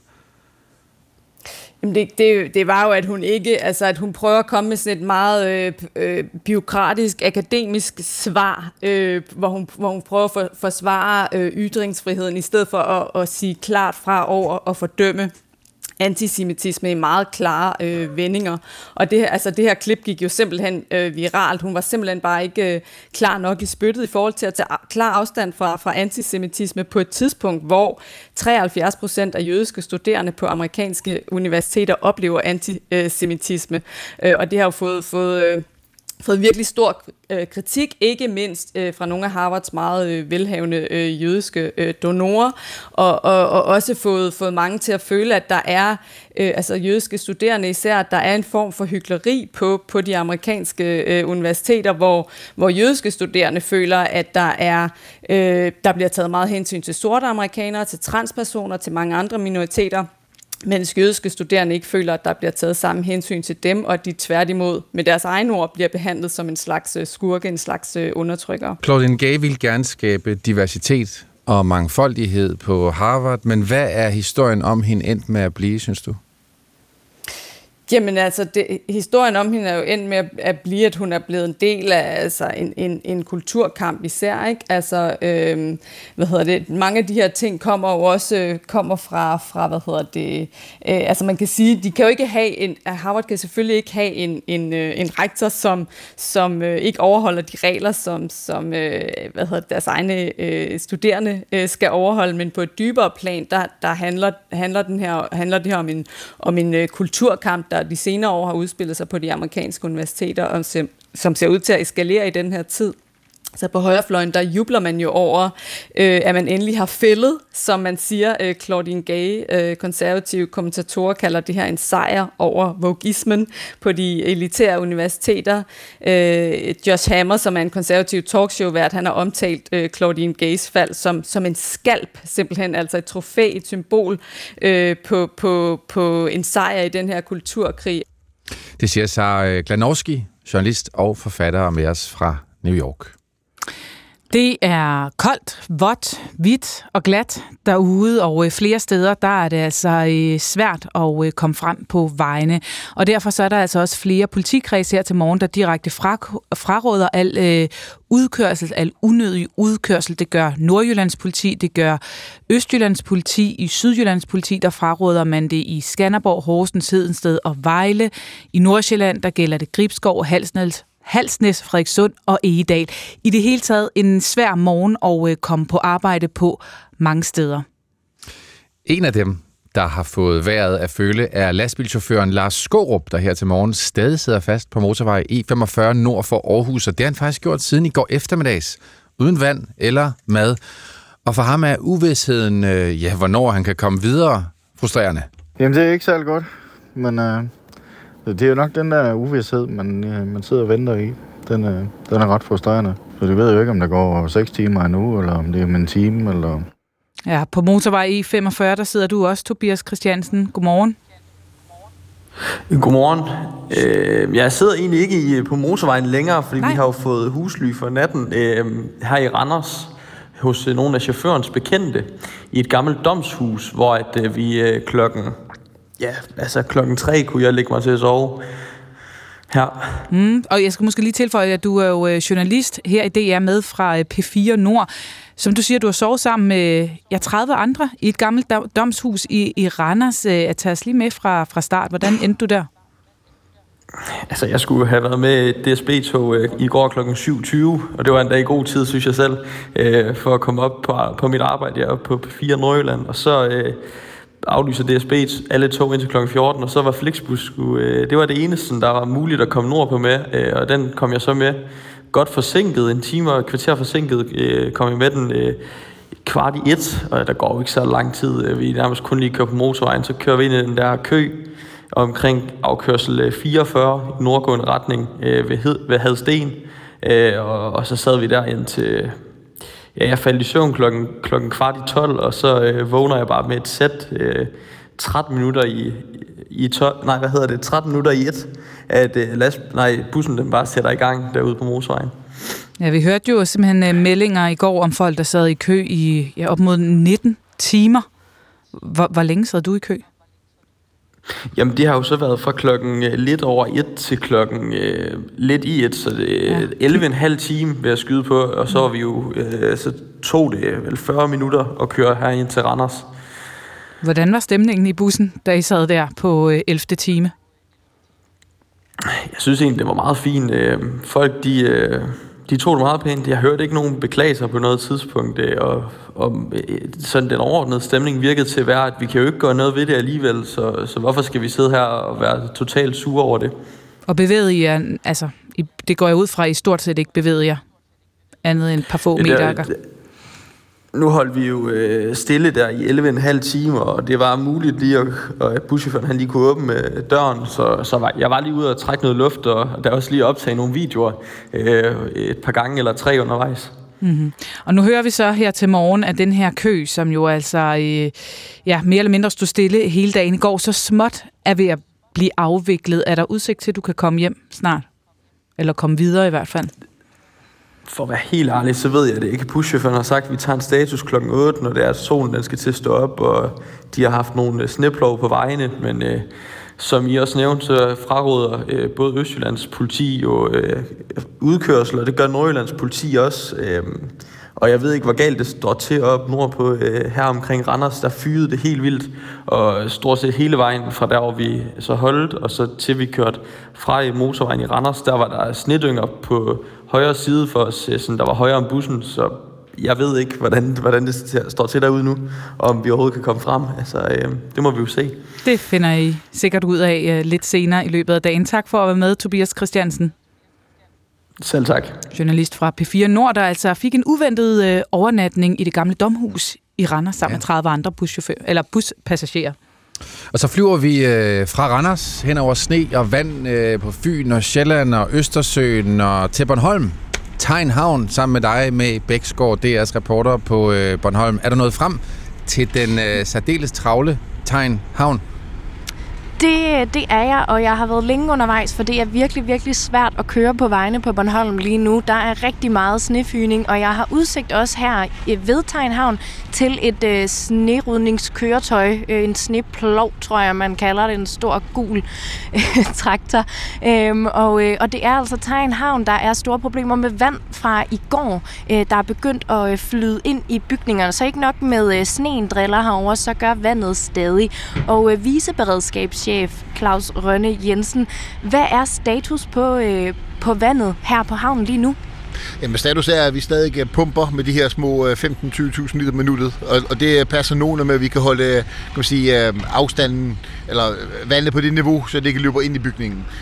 Og vi kommer til at pumpe her de næste mange timer nu. Og øhm, rent trafikalt, så er det også her øh, op nordpå, der er rigtig meget fyning, fordi der er vind heroppe. Hvad er I ellers opmærksom på lige nu fra beredskabets side? Jamen altså lige nu så øh, er vi opmærksom på det, det, det vejnet, som der er jo mere eller mindre ufarbart øh, på Nordbornholm. Og det vil sige, at det er en kombination af sne og øh, vand øh, fra i går, kan man sige, eller i, øh, i nat, der stadig løber hen over vejene. Øh, og derudover så er vi opmærksom på, at vi holder øje med de øh, forventelige kan man sige, øh, udkald, der kommer i forbindelse med vand, nu folk begynder at møde op på arbejdspladser igen. Ikke? Og så, så må vi se, hvad, hvad dagen ellers bringer. Hvor lang tid regner du med, at I øh, skal øh, have fulde pumper øh, på, kan man sige? Jamen her på Tegnhavn, der er vi i hvert fald på den anden side af middag, før vi kan begynde at skrue ned for dem, før vejrudsigten bliver en lille smule mere gunstig for os heroppe her. Tak for det, Claus Rønne Jensen, viceberedskabschef på Bornholm. Ja, så lød det fra Tegnhavn. Også tak til dig med Bæksgaard. Selv tak. Hej. Og med det tror jeg lige et forløbigt punktum for uh, værdækningen.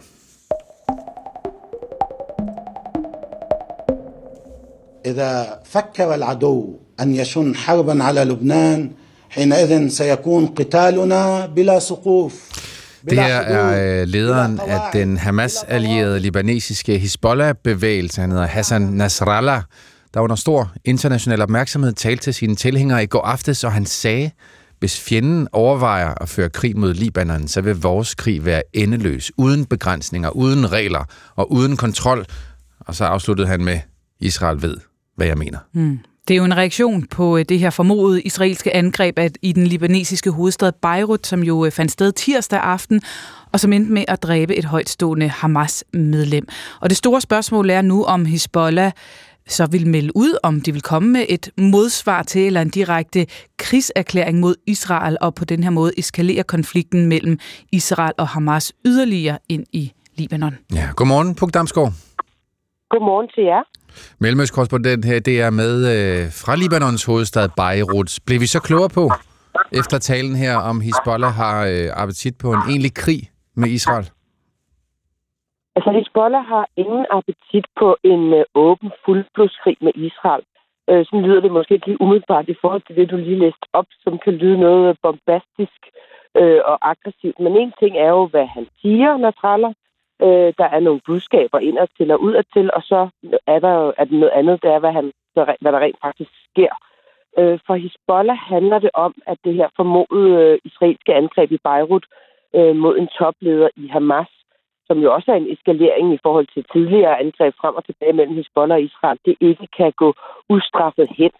Øh, vi kan forvente et gengældelsesangreb, øh, men samtidig så øh, er det også et forsøg, eller vil Hezbollah forsøge ikke at eskalere det her, det her til en, en større krig med Israel, fordi det vil kunne øh, få fatale konsekvenser, ikke bare for Hezbollah og for Libanon, men også for Israel. Så Hezbollah befinder sig i sådan en situation, hvor de skal balancere og vise øh, støtten til Hamas i Gaza øh, i krigen mod Israel, øh, uden at så sælge hele butikken i en åben krig øh, med Israel i Libanon. Og det lyder som om, at det, det er de sådan nogenlunde afklaret med, i hvert fald som du læser deres øh, situation, Puk Damsgaard. Så hvad er det for et, et lille, mindre angreb, man kunne forvente, de vil udføre i den kommende tid, hvis straffen skal falde? Jamen, vi ved ikke noget om, hvordan øh, et gengældelsesangreb øh, kunne komme til at se ud. Vi ved ikke, øh, hvornår det kunne finde sted, hvilken karakter, øh, i hvilken skala. Øh, vil der være tale om langtrækkende missiler, som øh, Hezbollah råder over, der kan nå dybere ind i Israel? Øh, det ved vi ikke øh, på nuværende tidspunkt, og det meldte øh, talen heller ikke noget om i går. Mm. Men hvis Hezbollah så kommer med et eller andet gengældelsesangreb, som man måske nok så forventer, er det sådan en øh, trappe, så bliver Israel nødt til at svare på det, og hvor står vi så? Ja, det er jo spørgsmålet af, hvordan de øh, karaktererne de her angreb ser ud. Altså, vi har jo siden øh, krigens begyndelse set de her et øh, nærmest daglige angreb øh, langs grænsen, altså grænseområdet mellem øh, Israel og, Israel og Libanon, men det har været relativt begrænset i skala. Øh, men det er jo øh, i sådan en situation også, at der kan ske noget, der kan ske fejl, og der kan ske, øh, øh der kan ske så et angreb øh, forleden i Beirut, øh, Øh, som dræbte en, en, en top Hamas-leder, som gør, at, at situationen kan, øh, kan eskalere. Så vi er i en meget, kan du sige, anspændt og delikat tid, øh, fordi der er jo en risiko for, at øh, det ene svar til det andet leder til øh, en åben krig. Og hvis der sker en åben krig mellem Israel og Hezbollah, så er der også en sandsynlighed for, at det spreder sig til noget langt større i hele regionen. Mm. Tak for analysen, Puk Damsgaard. Det var så lidt. Mellemøs korrespondent her, det er altså med fra øh, Libanons hovedstad Beirut. Og med det så hopper vi til Rusland og Ukraine, som efter længere tids forhandlinger er blevet enige, enige om en større fangeudveksling. Ifølge nyhedsbyrået Reuters, ja, så er det faktisk den største fangeudveksling i hidtil i krigen. Ruslands forsvarsministerium siger, at Ukraine har udleveret 248 personer fra øh, det russiske militær. Ukraine melder, at de har fået 230 personer bragt hjem fra øh, Rusland. 224 soldater, 6 civile, og de ukrainske soldater, de var glade. Trimaj, trimaj, trimaj.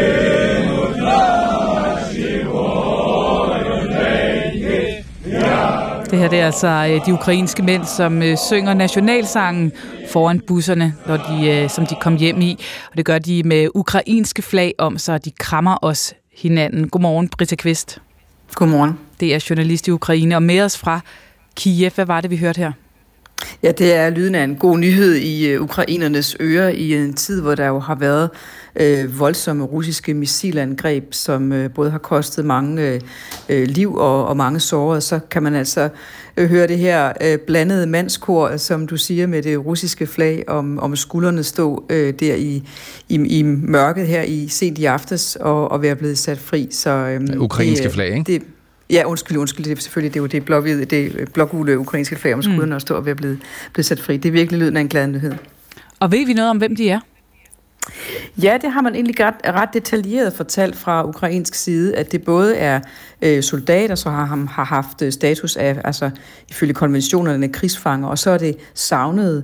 Det er også både øh, soldater, det er grænsepoliti, det er øh, militærkirurg, det er enkelte øh, civile, øh, 225 mænd og fem kvinder, altså de der øh, 230 i alt.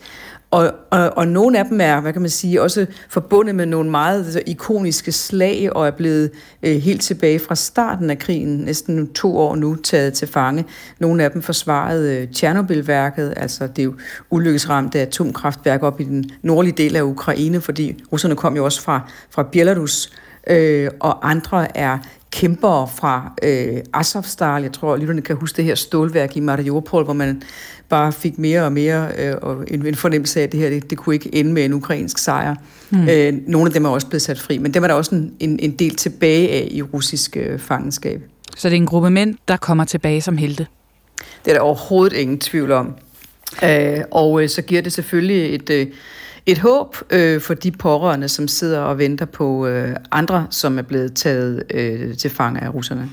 Men glemmer man lidt så, at man jo også har været nødt til at returnere 248 russiske soldater til Rusland? Øh, det tror jeg, man betragter som en del af, at sådan, sådan, er, sådan, er, det, øh, sådan er det. Og øh, øh præsidenten Zelensky, han kommenterede det faktisk på den måde. Han har selvfølgelig også været ude og sige, at, øh, at det her er meget, øh, meget øh, positivt og meget, meget glad nyhed. Men han har så også takket øh, de ukrainske styrker og sagt, at øh, jo flere de tager til fange, og som han siger, putter i vores øh, udvekslingsfond, jo bedre.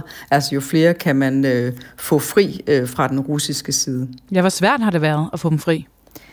Ja, det kan vi jo ikke sådan kigge med i bag kulissen i, men det er i hvert fald øh, meget længe siden, der har været en fangeudveksling sidst. Der har været, ifølge den ukrainske ombudsmand, øh, 49 i løbet af, af hele øh, krigen siden den russiske invasion, og mere end 2800 er blevet sat fri i alt. Men den sidste udveksling var i august og der var det bare øh, 22 ukrainere, der kom fri. Og siden der har der været, været på ukrainsk side sådan en øh, beskyldninger på for Rusland om, at det var dem, der blokerede, at de gjorde forskellige ting for at presse de pårørende. Så det, det, har, virket, øh, det har virket, som om det stod stille i en periode. Du kaldte det en, øh, en glædelig nyhed, Brita, eller det synes øh, ukrainerne i hvert fald, det synes man vel også, hvis man er tilhænger af en eller anden form for fred der. Men, men hvor langt kan vi trække den glæde der i, i forhold til resten af alt det, der foregår stadigvæk? Ja, men der er ikke nogen tvivl om, at der grundlæggende er en ret øh, mørk stemning omkring øh, det, den, den måde, som de russiske angreb er taget til på. Altså det, øh, nu er jeg jo ankommet for meget nyligt, men bare de få, jeg har talt med på vejen ind, som jo også har oplevet, hvordan det var øh, sidste vinter, de, øh, de, er, de siger, at det er virkelig øh, ubehageligt og voldsomt, det der, det der sker nu. Men altså, man har virkelig også brug for sådan nogle billeder som dem her, med nogen, der bare er, er, er lettede øh, og, og glade. Men du siger også, at øh, selvom det er glædeligt nu, så er der blevet længere mellem fangeudvekslingerne. Hvor, hvordan kan det være? Ja, det øh, er der sikkert nogen, der ved.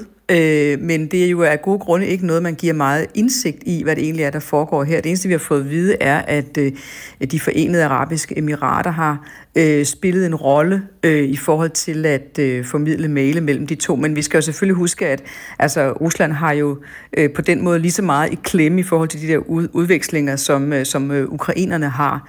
Men øh, i hvert fald så øh, er det så lykkedes nu, og også med det største antal, det har været hidtil. Til det kan man selvfølgelig sige, at eftersom der er gået lang tid øh, siden, den, øh, siden den sidste udveksling, så er der måske også det, der er grunden til, at det er et større antal den her gang. Tak for at være med, Brita Kvist. Værsgo. Ej, og Pernille, skal vi, skal vi ikke høre dem igen? Jeg har lige lagt den ind på knap nummer 8. Det er de glade ukrainske soldater. Jo, lad os gøre det. Тримай, тримай.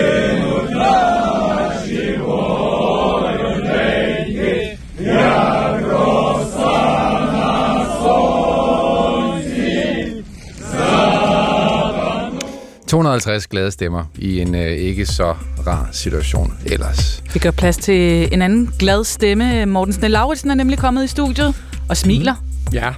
Og det er godt, selvom vejret det er lidt øh, bisk derude. Du får et nyhedsoverblik. Klokken den er blevet halv otte. Ja, vejret det driller nemlig rigtig mange trafikanter også her til morgen.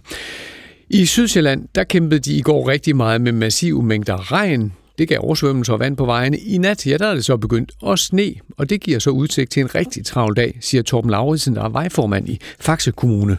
Problemet er jo egentlig ikke vandet mere. Jo, selvfølgelig ligger vandet nok nede under nogle steder, men øh, det er jo snefyldningen, der ligesom giver problemerne. Det kan man sige. Det er jo der, vi ligesom øh, får folk til at køre fast, og det ene og det andet, og det er det, vi skal gerne have væk fra vejene. Ja, og andre steder i landet, der står trafikken fortsat helt stille. Blandt andet på motorvej E45 nord for Aarhus. Her sidder lastbilchauffør Lars Skårup lige nu fast, og det har han gjort tiden i går eftermiddag. Og han ved stadig ikke, hvornår hjælpen når frem, og han kan komme fri af sneen. De skal jo nærmest skrave hver enkelt bil fri, før den sådan skal køre fremad. Jeg kan også se her foran mig, der ligger en snedrive på godt en halv meter. Så den kan jeg jo nok heller ikke komme igennem. Flere politikreds de fraråder her til morgen fortsat unødig udkørsel i enten hele politikredsen eller i forskellige kommuner. Nordjyllands politi fraråder al unødig udkørsel, og det samme gør Østjyllands politi. Og i Østjylland der gælder den melding helt ind til kl. 14 i eftermiddag. Det siger Karine Elbæk, der har været på B4 Trafik. Så man skal være forberedt på, at øh, det er en øh, køretur i dag, hvor man skal bruge rigtig meget tid. De steder, hvor man altså øh, gerne må køre ud, hvor man ikke fraråder unødig udkørsel. Ja, det hele det skyldes altså, at der er sne og snefyning rigtig mange steder. Først på dagen i hvert fald. For senere, ja, så er der måske lidt lys forude.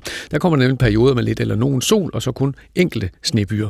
Temperatur mellem frysepunktet og 5 minusgrader. Og vinden den aftager faktisk også lidt i løbet af dagen, så den bliver... Øh, øh, lige nu er den frisk til cooling, og så mister den altså lidt af pustet i løbet af dagen. Pernille Rudbæk og Morten Runge, så skal vi til øh, Rusland. Ja, hvor øh, russiske undervisere og øh, pædagoger lægger sidste hånd på næste skoleårs pensum for grundskolen. Og det bliver blandt andet med et øh, nyt fag på skoleskemaet fra 5. til 9. klasse, som er lidt usædvanligt, eftersom vi jo står og taler om det her.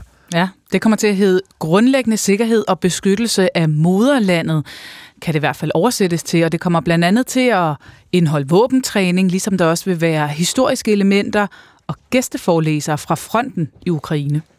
Godmorgen, Valentina Shapovalova.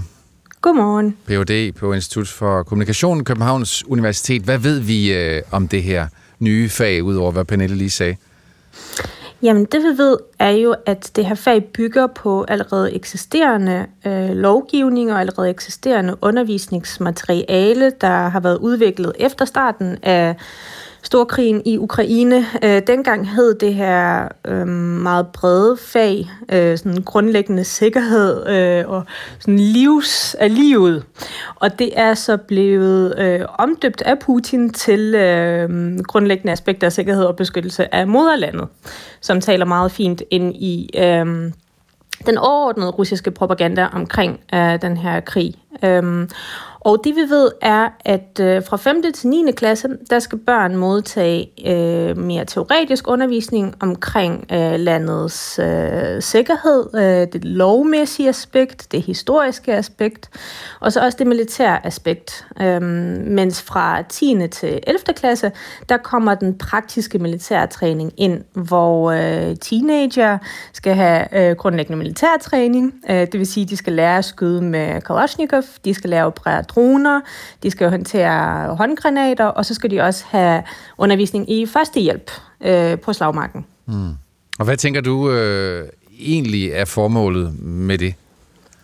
Jamen, formålet er, at øh, for at sige det ikke særlig teoretisk, så er det at øh, hjernevask børn. Altså det er at bringe øh, propagandaen til øh, i undervisningslokalet, og det er at øh, gøre det mere ensartet på tværs af landet, fordi øh, den undervisning, der er foregået tidligere, det har været sådan lidt op til øh, klasselokalerne øhm, øh, eller klasselærerne øh, at bestemme, hvordan den skulle håndhæves, og der har været nogle regionale forskelle, og nu skal det hele ligesom øh, være mere standard, så børn i Vladivostok og Moskva får den samme undervisning og ligesom får øh, den samme propaganda at vide.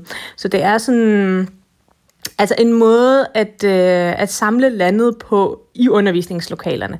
Og så har den her undervisningsplan selvfølgelig en øh, langsigtet eller langsigtet udsigter. Og det har vi jo også, øh, vi har set det før uh, med den måde Putin har omtalt den her krig på, eller den såkaldte specialmilitære operation, som den stadigvæk hedder i Rusland. Øhm, og det er jo, altså formålet er at opfostre en generation af russere, der er krigsparate, der er dybt patriotiske, og der er meget anti-vestlige og anti-ukrainske. Ja, og du siger hjernevaske direkte. Altså, ja. ved, ved vi, at et, et fag i øh, den russiske skole kommer til at gøre det?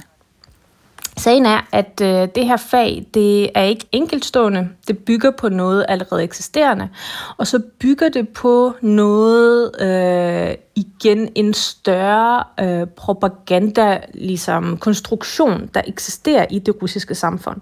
Så det er ikke bare fordi, at øh, når børnene går ind i klasselokalet, at det er kun i det her klasselokale, de kommer til at høre om, at øh, Vesten truer Rusland, og øh, russiske soldater kæmper for en god sag i Ukraine. De hører det jo hele tiden. Altså, øh, man kan høre det i fjernsynet, i radioen, der findes øh, børneprogrammer på nettet, der omhandler det her. Der findes også en ungdomsorganisation, der er enormt populær og har over en million øh, børn og teenager, der hedder Jun Armia, hvor de også taler meget om den her såkaldte specialmilitære operation. Så det er ligesom... Øh, Meningen er, at det skal være alt omslugende, øh, og nu for at bruge en rigtig teoretisk term, øh, så kalder vi det for total propaganda. Det vil sige, at propagandaen siger igennem alle livets aspekter hos både børn og voksne. Og ja, total propaganda, hvor effektivt er det så? Ved vi det allerede nu, hvor det har stået på i noget tid? Ja, det er jo meget svært spørgsmål, som øh, jeg ikke kan svare på et minut, fordi det er meget svært at måle øh, både kvantitativt og kvalitativt, hvor effektiv propaganda er. Det vi kan se i Rusland er, at øh, opbakningen til Putin, øh, selvom vi skal tage alle målinger fra et autoritær stat, ligesom Rusland med grænsalt, meget stor grænsalt, så kan vi se, at opbakningen til Putin stadigvæk er der. Øh, vi kan også se, at folk øh, ikke øh, protesterer igen. Det skal tages meget stor grænsalt og med forbehold for, at folk kan blive fængslet øh, og få meget store bøder for at protestere. Men der har ikke været de store protester mod den her specialmilitære operation. Så der er ligesom, og fordi den her propaganda ikke startede selvfølgelig den 24. februar 20, 2022, da storkrigen i Ukraine startede, fordi den har været der i flere år, øhm, så er det ligesom noget, som folk har vendet sig til. De har vendet sig til at tale om moderlandet og beskyttelse af moderlandet og se mod vest med meget negative og kritiske øjne. Så det betyder måske i sidste ende også noget for Vesten og Ruslands mulighed for en dag at finde fælles fodslag, hvis det hele skulle stanse? Altså at russiske børn har fået den her type undervisning? Det betyder i hvert fald, at vi ser på den her krig meget forskelligt. Øh, altså vi i, i Vesten, øh, folk i Ukraine og folk i Rusland. I Rusland, der har man ligesom, man forbereder sig på, på en lang krig. Øh, når krigen i Ukraine på et tidspunkt slutter, så slutter øhm, opfattelsen, den negative opfattelse af Vesten ikke, fordi den er blevet øh, begravet så dybt øh, hos rigtig mange russere. Så der er ligesom, igen, vi har været lidt naive i, i Vesten på en måde, øh, i den måde, vi har set på Rusland på, og hvordan Rusland opfatter os. Tak for historien, Valentina Shapovalova. Selv tak. Ph.D. på Institut for Kommunikation på Københavns Universitet. Og det er altså til øh, september, at det nye pensum bliver indført, som også i øvrigt øh, indeholder, at man sløjfer test i fremmedsprog. Det er ikke så vigtigt mere, om man kan engelsk, tysk eller fransk. Så længe man, man kan moderlandets sprog. Præcis. Men det blev klokken øh, næsten 20 minutter i 8. Vi vender os mod en liste. Der er nogle lister, som man i hvert fald slet ikke har lyst til at dukke op på, og en af dem, ja, det er Epsteins liste. Lige nu sidder der en masse nervøse mennesker derude, fordi en amerikansk domstol har frigivet en liste med navn på op mod 200 personer i forbindelse med den afdøde finansmand og seksualforbryder Jeffrey Epstein. Ja, det skriver mediet øh, BBC natten til, til torsdag dansk tid. Domstolen har frigivet listen som en del af et søgsmål mod øh, Epsteins partner, Ghislaine Maxwell. Hun øh, afsoner en 20-årig fængselsdom på grund af forbrydelser, hun begik sammen med Epstein. Godmorgen, Birgitte Borup. Godmorgen. Kulturredaktør på Berlingske. Hvad ved vi om listen på nuværende tidspunkt? Øh, jamen, vi ved, at den, øh, den indeholder en øh, flere hundrede navne, øh, og øh, øh, mange af de øh, personer, der figurerer på listen, øh, det er folk, som vi i forvejen øh, godt ved er involveret i den her forbrydelse. Det er navne som prins Andrew, øh, som øh, bliver beskyldt blandt andet også af en kvinde, som han ikke tidligere har er blevet beskyldt for at have begået overgreb på, for at have befamlet hende. Øh, det er præsident Bill Clinton, Øh, og så er det øh, folk som tryllekunstneren David Copperfield og forskellige andre altså notabiliteter, øh, som har haft omgang med Jeffrey Epstein i de år, hvor han øh, begik øh, den her lange række seksualforbrydelser mod helt unge kvinder. Ja, og, og ved vi, de står på en liste, men hvad siger det om deres... For, altså, og de har på en eller anden måde forbindelse, men ved vi mere om, hvilken forbindelse er det nødvendigvis altså, en dårlig ting at stå på den her liste? Jamen, ja, det er det. Altså, det, det er øh, for prins Andrews vedkommende, kan man sige, der bliver sagen imod ham øh, sådan set øh, bestyrket, altså forstået på den måde, at øh, der fremgår det simpelthen, at, at han har været en, en aktiv del af de overgreb, der er begået. Mange af mændene ved vi ikke, for eksempel altså Bill Clinton, øh, den tidligere amerikanske præsident, vi ved ikke, hvad hans rolle i det her har været, men vi kan i hvert fald konstatere, at han har øh, befundet sig øh, sammen med Jeffrey Epstein ved adskillige lejligheder. Øh, det vidste vi sådan set også godt i forvejen, men det her kan man sige, det gør det officielt. Det, øh, den konsekvens listen jo som minimum har for de her pågældende mænd, det er, at den bidrager til øh, og påføre deres eftermæle et stort sort hul. Altså at de simpelthen får øh, en, en plet på deres øh, eftermæle, som bliver umådeligt svær at vaske af. Men er det ikke også øh, rigtigt, at nogle af dem, der står på listen, øh, kan være nogen, der selv kommer med anklager, eller kan være vidner i sagen mere, end de anklages for selv har gjort noget? Jo, det, det er rigtigt, men øh, det man kan udlede af listen, Øh, altså, det, det er fuldstændig rigtigt, men det, man kan udlede af listen, det er jo, at man kan sammenholde med den store mængde dokumentation, vi allerede har liggende, altså fra kvinder, som er kommet med vidneudsagn gennem årene. Den her sag er jo i forvejen utrolig velbelyst, øh, fordi den er oprullet oprindeligt af The Miami Herald, siden i dokumentarprogrammer. Øh, altså, der ligger adskillige udsagn, både fra de involverede kvinder, men jo også fra anklagemyndigheden i Florida, der i første omgang anholdt ham, øh, politiefterforskere, altså øh, en lang række meget troværdige kilder, der havde været involveret i oprulningen af det her øh, forløb. Og, og det skal jo ses i forlængelse af den belysning af sagen, at listen nu kommer og altså øh, placerer nogle navne på mere officiel vis øh, i forbindelse med Jeffrey Epstein. Ja, nu siger du på officiel vis, Birgitte Boer. Det lyder også lidt som sådan en folkedomstol, der kan skade øh, en masse menneskers omdømme uden nogen egentlig rettergang. Hvordan bliver den sådan omtalt og brugt i, i offentligheden i USA? Jamen altså, forløbet så bliver navne i hvert fald øh, lagt øh, frem i medierne. Altså nu, nu er det jo ligesom frigivet af en domstol, og dermed er, er, de, øh, af medierne i deres gode ret til at, at, at naturligvis at bringe navnene, men, men det giver jo også anledning til, at man så går videre i, øh, i afdækningen.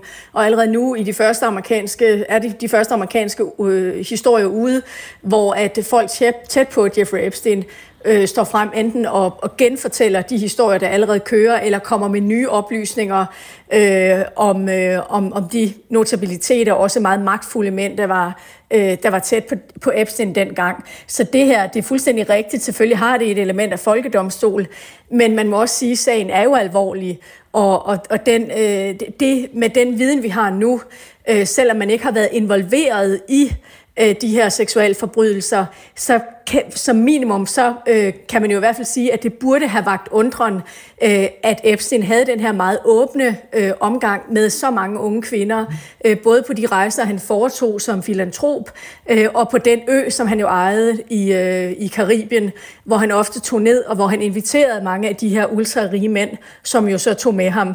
Så det kan godt være, at der er en folkedomstol i gang, men der er jo også en formel domstol, som har afsagt dom, øh, både i det her tilfælde, men også over Ghislaine Maxwell, som jo i 1921, øh, øh, eller i 2021 blev anholdt, og jo fik en, en betragtelig øh, fængselsdom på 20 år for at være involveret i den her sag. Så det er en sag med en meget, meget stærk dokumentation.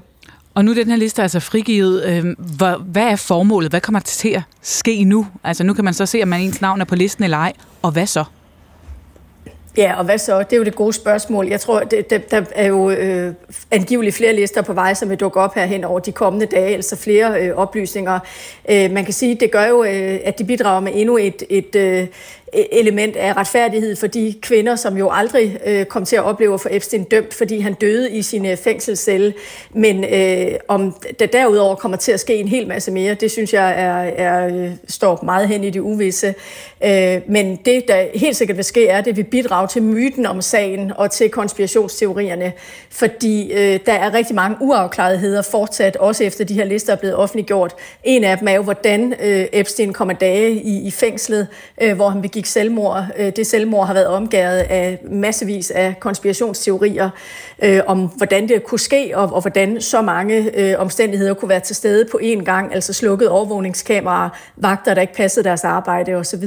Og den anden er det, det sidste store spørgsmål, hvordan blev Epstein så rig? Hvordan kom han i besiddelse af den halve milliard dollars, han havde, da han døde? Det spørgsmål er også fortsat ubesvaret. Tak for at være med, Birgitte Borum. Selv tak. Kulturredaktør på Berlingske. Klokken er blevet 14 minutter i 8.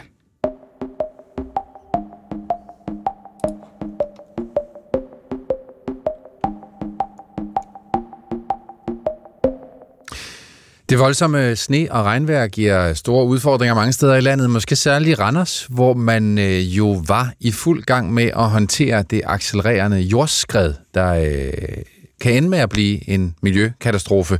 Jorden er forurenet og bevæger sig som store gletsjerstykker ned mod Alling Å. Ja, da Miljøminister Magnus Heunicke besøgte området den 28. december, der kaldte han det for en af de mest alvorlige trusler mod miljøet PT i Danmark det er ikke gået helt så meget for danskerne nu, hvor alvorligt øh, det her er. I sidste ende er det jo vores havmiljø, fordi øh, den her å fører altså ud i Randers Fjord, og øh, hvis den øh, bliver forurenet, og der er jo altså, som man kan se, der er ganske, ganske få øh, lille stykke øh, jorddæmning fra det forurenede vand, forurenede jord og, og ind til øh, åen, og derfor er det så vigtigt, at pumperne fungerer, og at arbejdet fungerer. Og det har det også gjort øh, i de øh, seneste 14 dage, men øh, uværet har tvunget kommunen til delvist at bremse arbejdet. Godmorgen Jesper K. Schmidt. Godmorgen. Kommunaldirektør i Randers Kommune. Hvorfor har I måttet stoppe øh, oprydningsarbejdet? Ja, som I selv beskriver, så er situationen jo meget kritisk, men øh, vi er jo i samme situation som alle andre. Altså, vi kan ikke køre, og derfor har vi simpelthen været nødt til at indstille vores øh, jordkørsel. Altså, vi kører jorden væk derfra, Vores lastbiler kan simpelthen ikke køre deri, og vi har nogle meget, meget store såkaldte dumper, som kører ind på området, og de er også svært ved at se noget. Mm, og vi hører også Magnus Heunicke sige, at det er vigtigt, at pumperne fungerer. Har pumperne kunne klare presset her øh, i ja, I forhold til døgn? det der med jordkørslen, så vil jeg også lige sige, at øh, det er jo sådan, at øh, vi kan cirka holde den her situation, hvor vi ikke kører jorden væk i en 20-24 timer, før det bliver rigtig kritisk for os. Og så i forhold til pumperne, de kører rigtig fint, men det, der så er den næste udfordring, vi har fået nu, det er, at de lover jo minus 18 grader. Og derfor har man også været i gang med her, øh, også i dag og i går, med at frostsikre de her pumper, fordi så vil det virkelig være katastrofalt, hvis pumperne går ud. Men du siger, at I kan holde det i 20-24 timer. Altså, vi har haft øh, silende regn og snestorm i, øh, i 24 timer nu. Har I nået maksgrænsen? Ja, altså nu øh, krydser vi jo meget fingre for, at, øh, at de siger, at nu begynder det at aftage her i dag i vores område, så vi håber jo, at når vi kommer hen i eftermiddag, at vi kan begynde at køre igen. Men altså, hvis det er sådan, at det fortsætter, jamen så, øh, ja, så ved jeg så snart ikke, hvad vi skal stille op, men, øh, men så må vi jo krydse fingre for, at, øh, at øh, frosten den hjælper en lille smule i forhold til jordskredet, fordi det er jo nok også med til at forsinke det lidt, så det ikke øh, skrider så hurtigt. Men du siger, I skal i gang i eftermiddag, ellers så kommer der til at, kommer det til at få alvorlige konsekvenser? Nej, det ved jeg jo ikke endnu, altså, om det gør. Jeg siger også, at, øh, at øh, det, vi håber på, at den her frost den er med til at sikre, at, at det ikke skrider så hurtigt. Øh, og e- ellers må vi jo tage det derfra. Vi har været enormt gode til at handle meget hurtigt, øh, finde nye løsninger. Øh, så lad os håbe på, at øh, vi kan begynde at gøre noget her i øh, eftermiddag. Ellers, hvis vi ikke kan køre jorden væk, så flytter vi jo jorden på området. Øh, det har vi gjort før, fordi vi jo indimellem også har haft svært ved at finde nogle steder, hvor vi kunne køre jorden hen. Mm, så I kan flytte det stadig på området? Ja, altså det er jo sådan lidt øh, det er en øvelse, hvor vi nogle gange har taget jorden øh, nedefra, og så kørt vi den op igen. Og det er jo sådan en uendelig øh, ting at gøre, fordi at så kommer det jo tilbage igen. Øh, men det har vi jo simpelthen været nødt til at gøre, fordi at vi jo også indimellem har haft problemer med at finde en placering af jorden. Nu har vi fundet, vi har brugt vores egen genbrugsplads, men øh, den blev hurtigt fyldt. Øh, så har vi også øh, god kontakt til forsvaret, hvor vi er på nogle af forsvarets arealer, øh, som er sikret i forhold til grundvand og alt andet, haft mulighed for at placere jorden der. Mm. Men det har jo været lidt en kamp mod tiden, siden I gik i gang med det her oprydningsarbejde, hvor... Øh, hvad er det sådan for et worst case scenarie, som I ser ind i lige nu? Man kan sige, at vi er jo stadigvæk i den såkaldte akutfase, hvor vi jo har den her løsning, hvor vi pumper og der kommer jo mellem 2500 og 3500 liter øh, vand i sekundet i øh, Allingå. Det giver jo et indtryk af, hvor enorme store mængder vand, der kommer. Øh, ja, og så kan man sige, at jorden skrider stadigvæk, og det er jo det, det hele handler om, det er at holde de der to ting adskilt. Øh, fordi hvis jorden og det øh, vand, der er fra området, det kommer i forbindelse med øh, Allingå, jamen så har vi jo en øh, potentiel miljøkatastrofe, fordi der er en masse urenheder, inklusive alt det jord, øh, og mikrofiler og så videre, øh, som ikke må komme i forbindelse med øh, Allingå. Ja, for hvad sker der, Jesper K. Schmidt, øh, hvis, hvis det sker, ja, han har sagt? Ja, man kan jo sige, at det, der har været, øh, været øh, helt øh, enestående her i forhold til tidligere, det er, at den her lov om miljøskade, som jo jo faktisk, så vidt jeg husker, måske kun har været anvendt en gang før, siden loven blev vedtaget for 15-20 år siden, Øh, Øh, deri fremgår det jo også, at Miljøstyrelsen jo siger, at der er en, øh, en øh, risiko for en miljøskade, så derfor skal man foretage de her afværende foranstaltninger. Jamen det, det betyder, det er, at hvis der kommer nogle af de her kemiske ting, som øh, nikkel for eksempel, og cadmium og andre ting øh, ned i øh, Allingå, jamen så går det jo ud over øh, fisk, øh, dyreliv, øh, planter øh, og alle de andre ting, det er jo det, er jo det, det betyder øh, for det. Og samtidig kan man sige, at Allingå er jo også allerede i dag blevet skåret midt over. Vi har jo sat i princippet den prop i begge ender. Øh, så, så der er jo allerede et stykke, som vi jo også sidenhen skal forholde os til. Hvad gør vi ved det? Øh, vi kan jo ikke fortsætte med at pumpe. Øh, vi kan jo ikke fortsætte med at køre jorden væk. Så det bliver det næste store spørgsmål. Ja, det er jo en, en potentiel miljøkatastrofe, vi øh, I, I kæmper lige nu for at afværge, og som så er blevet yderligere udfordret af, af vejret det seneste døgn. Øh, jeg kan se den 27. december, der skrev I på jeres hjemmeside, og nu citerer jeg, at øh, det desværre nu kan konstateres, at virksomheden, og det er altså Nordic Waste, drift ikke i tilstrækkelig omfang har tilgodeset risikoen for jordskred. Forventer du, at der kommer et retsligt efterspil på den her sag? Det kan jeg ikke svare på endnu. Altså, situationen er jo den, at, øh, at det er jo, der er ingen tvivl om, at i virksomheden, der har forvoldt den her skade, det kan ingen være i tvivl om. Og i Danmark er princippet jo det, at det er, det er den skadevolder, der, der, der skal betale for omkostningerne. Og derfor har vi også truffet afgørelse i forhold til Miljøbeskyttelsesloven, og øh, Miljøstyrelsen sidder lige og arbejder i øjeblikket på påbud i forhold til den her miljøskadelov, og der er det jo uden tvivl virksomheden, der skal betale for de omkostninger, og det har vi klar forventning til, at virksomheden selvfølgelig øh, tager deres ansvar på sig, og så betaler for øh, de omkostninger, der er forbundet med den her akutfase, og selvfølgelig også en efterfølgende genopretning af de ting, der ligger. Vi har jo også en hovedvej øh, mellem Randers og Aarhus, som er blevet skåret midt over af nogle af de store jordmasser og bygninger inden for virksomheden. Tak for det, Jesper K. Schmidt. Det var så lidt. Kommunaldirektør i Randers Kommune. Og øh, vi har altså endnu en gang forsøgt at få øh, fat i Nordic Waste, men øh, det er ja, ikke lykkes, heller ikke denne morgen, at øh, få dem til at stille op til et interview. Klokken er blevet øh, næsten 6 minutter i 8.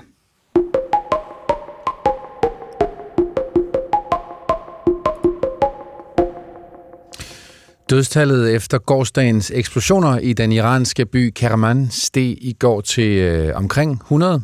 Det formodede terrorangreb øh, fandt sted under en ceremoni på fireårsdagen for drabet på den højtstående iranske general Qasem Soleimani, som øh, USA's tidligere præsident Trump gav ordre til tilbage i 2020. Soleimani var den tidligere leder af revolutionsgardens elitestyrke Quds. Godmorgen, Shine Okher. Godmorgen. Forfatter, kandidat i mellemøstlige studier, halvt øh, iraner med stort netværk i øh, Iran. Vi kalder det et terrorangreb. Hvad, hvad, hvad ved vi egentlig om øh, årsagerne til, til de her eksplosioner, som dræbte over 100 i går? Jeg ved ikke, om vi nødvendigvis ved så meget om årsagerne. Der er en masse gæt derude, men øh, det man ved indtil videre, er, at det er to eksplosioner i nærheden af hans grav, hvor øh, de her øh, mindehøjtidligere har, har foregået. Uh, først den ene eksplosion, og kort efter har der været eksplosion nummer to, så det har også, altså folk har ligesom flyttet sig, og så er der kommet en eksplosion mere. Og de seneste dødstal er 95, og omkring 211 mennesker er såret af, hvad vi ved indtil videre. Og er der noget, der peger på, at man har ønsket specifikt at ramme de folk, der var til mindehøjtideligheden, og dermed må forventes at sympatisere med Soleimani? Ja, det tænker jeg godt, at man kan, øh, man kan gå ud fra i forhold til valget af sted og, og tidspunkt. Og man kan også sige, at øh, både den islamiske republik og Rosem Soleimani og dem, der øh, fortsat støtter ham, øh, har mange fjender. Altså Rosem Soleimani var egentlig en ret populær figur i Iran, en amerikansk øh, meningsmåling fra 2019, altså året før han bliver dræbt viste, at han på det tidspunkt var den mest populære figur i den islamiske republik, hvor 8 ud af 10 iranere havde et positivt øh, syn på ham. De protester, der så var i 2022, har ændret lidt på det, fordi han også blev et symbol på den islamiske republik. Men øh, i det store hele har han været en ret populær figur, men man kan sige, at de mennesker, der måske fire år efter kommer til hans grav på dødsdagen, er de, de allerstørste støtter, og som regel også folk, der har et... Øh, et godt forhold til den islamiske mm. republik. Og hvem kunne have øh, både kapacitet og motiv så til at gennemføre et angreb af den størrelse, vi har set? Jamen indtil videre er det jo gætværk. Altså, der er, der er nogen, der prøver at kæde særligt Israel sammen med det, også fordi Israel og Iran jo har et øh, dårligt forhold, og det er blevet værre på det seneste, hvor Israel også i slutningen af december myrdede en, øh, en anden højtstående øh, leder af den, øh, den revolutionsgarden i Syrien. Men øh, der er også, altså islamisk stat har tidligere øh, angrebet i Iran, og øh, netop Rosem Soleimani var jo en af de vigtigste brækker på, øh, på jorden i kampen mod islamisk stat i Syrien. Og øh, så er der også den her Jaish al-Adl-gruppe, øh, som er en øh, sunni-muslimsk gruppe, der har tilknytning til Baluchistan i Iran, og altså en separatistbevægelse. Og øh, der har Rosem Soleimani også haft en rolle i kampen mod den her øh, separatistbevægelse, og det er også et område, som den islamiske republik kæmper hårdt med lige nu, især mod separatistbevægelser, men også i forbindelse med protesterne for 2022.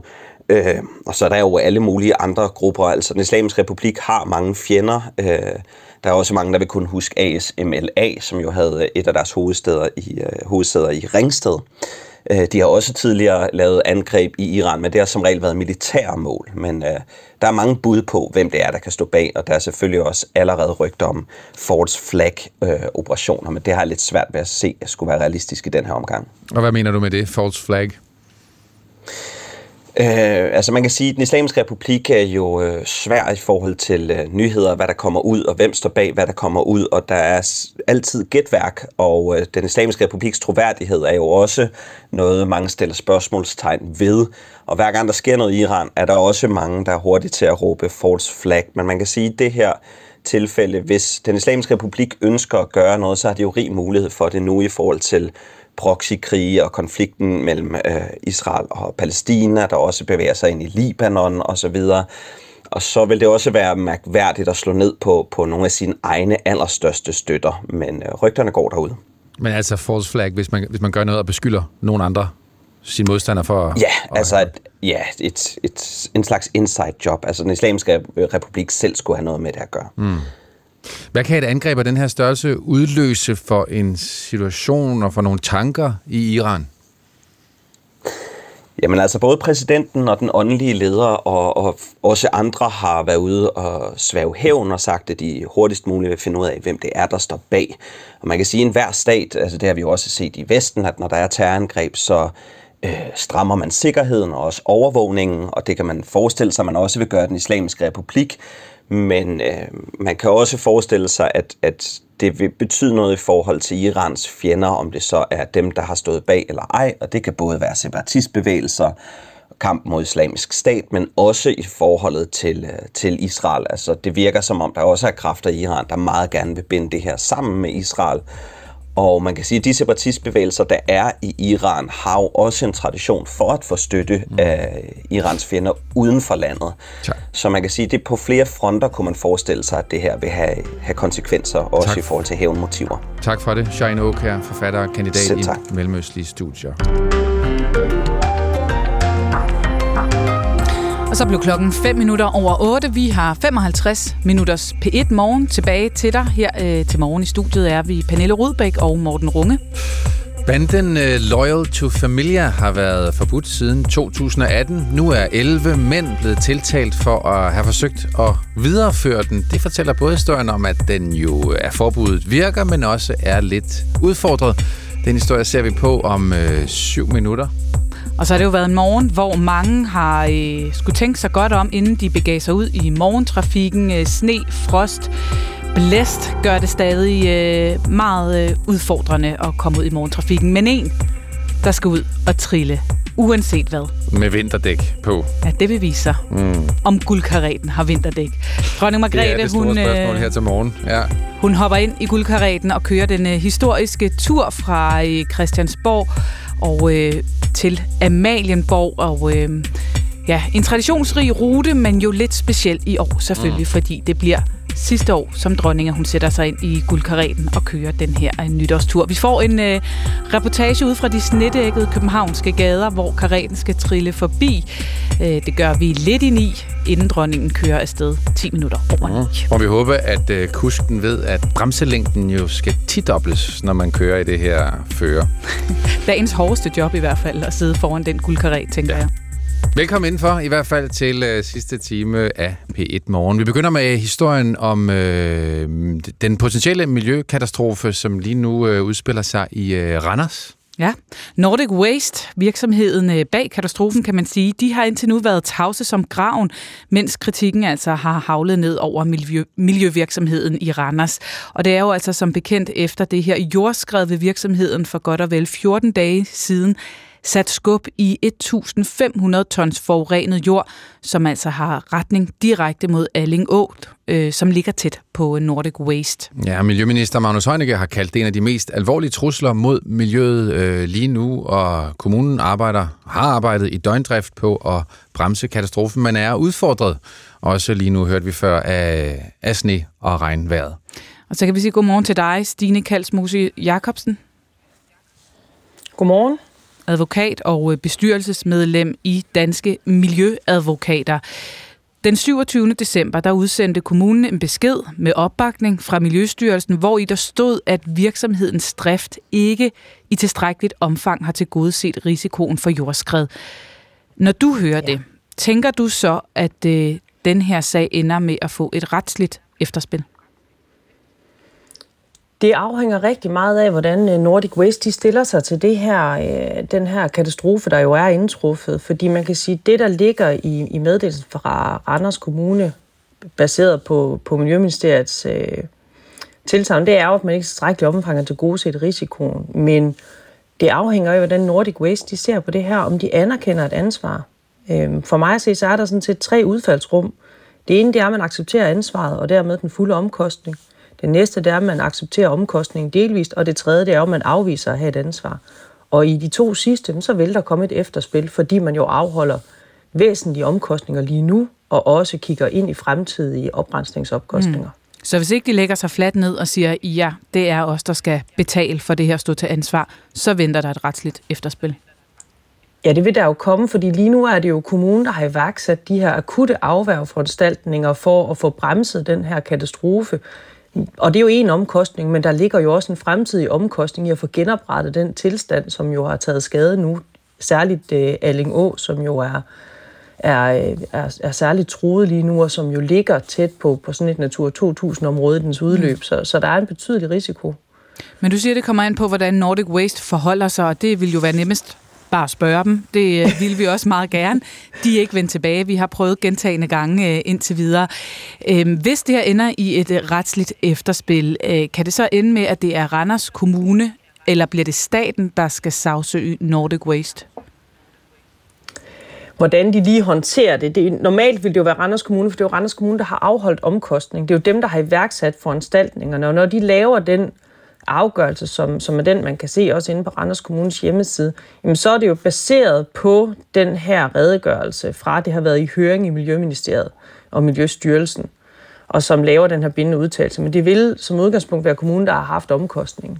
Mm. Og dermed også dem, der skal sagsøge. Og det er allerede nu øh, høje omkostninger, som, øh, som det tyder på, det kommer til at, at koste. Og, og så er der jo også det scenarie, at det rent faktisk ryger i åen, og så står vi jo med en, en ja. helt anden størrelsesorden lige pludselig. Øhm, vil det i så fald også være Nordic Waste, som skulle betale for, for de omkostninger? Hvis det har en direkte sammenhæng til det jordskred, øh, så vil det jo være, for så er der det, der hedder en årsagssammenhæng imellem at den skadegørende handling, og så det, det tab, der er lidt, altså det her tilfælde åen. Og så er det jo altid en svær balance, hvornår skyldes det alene jordskredet, og hvornår skyldes det noget andet. Øh, Alling Å har øh, nogle, nogle udfordringer med vandkvaliteten i forvejen, øh, men, men, men det vil de skulle, hvis man kan dokumentere, at der er en sammenhæng. Mm. Lige nu har Nordic Waste jo kastet håndklædet mere eller mere i ringen. Det er, det er kommunen, der er i gang med ja. oprydningsarbejdet. Men kan de reelt set gøre det?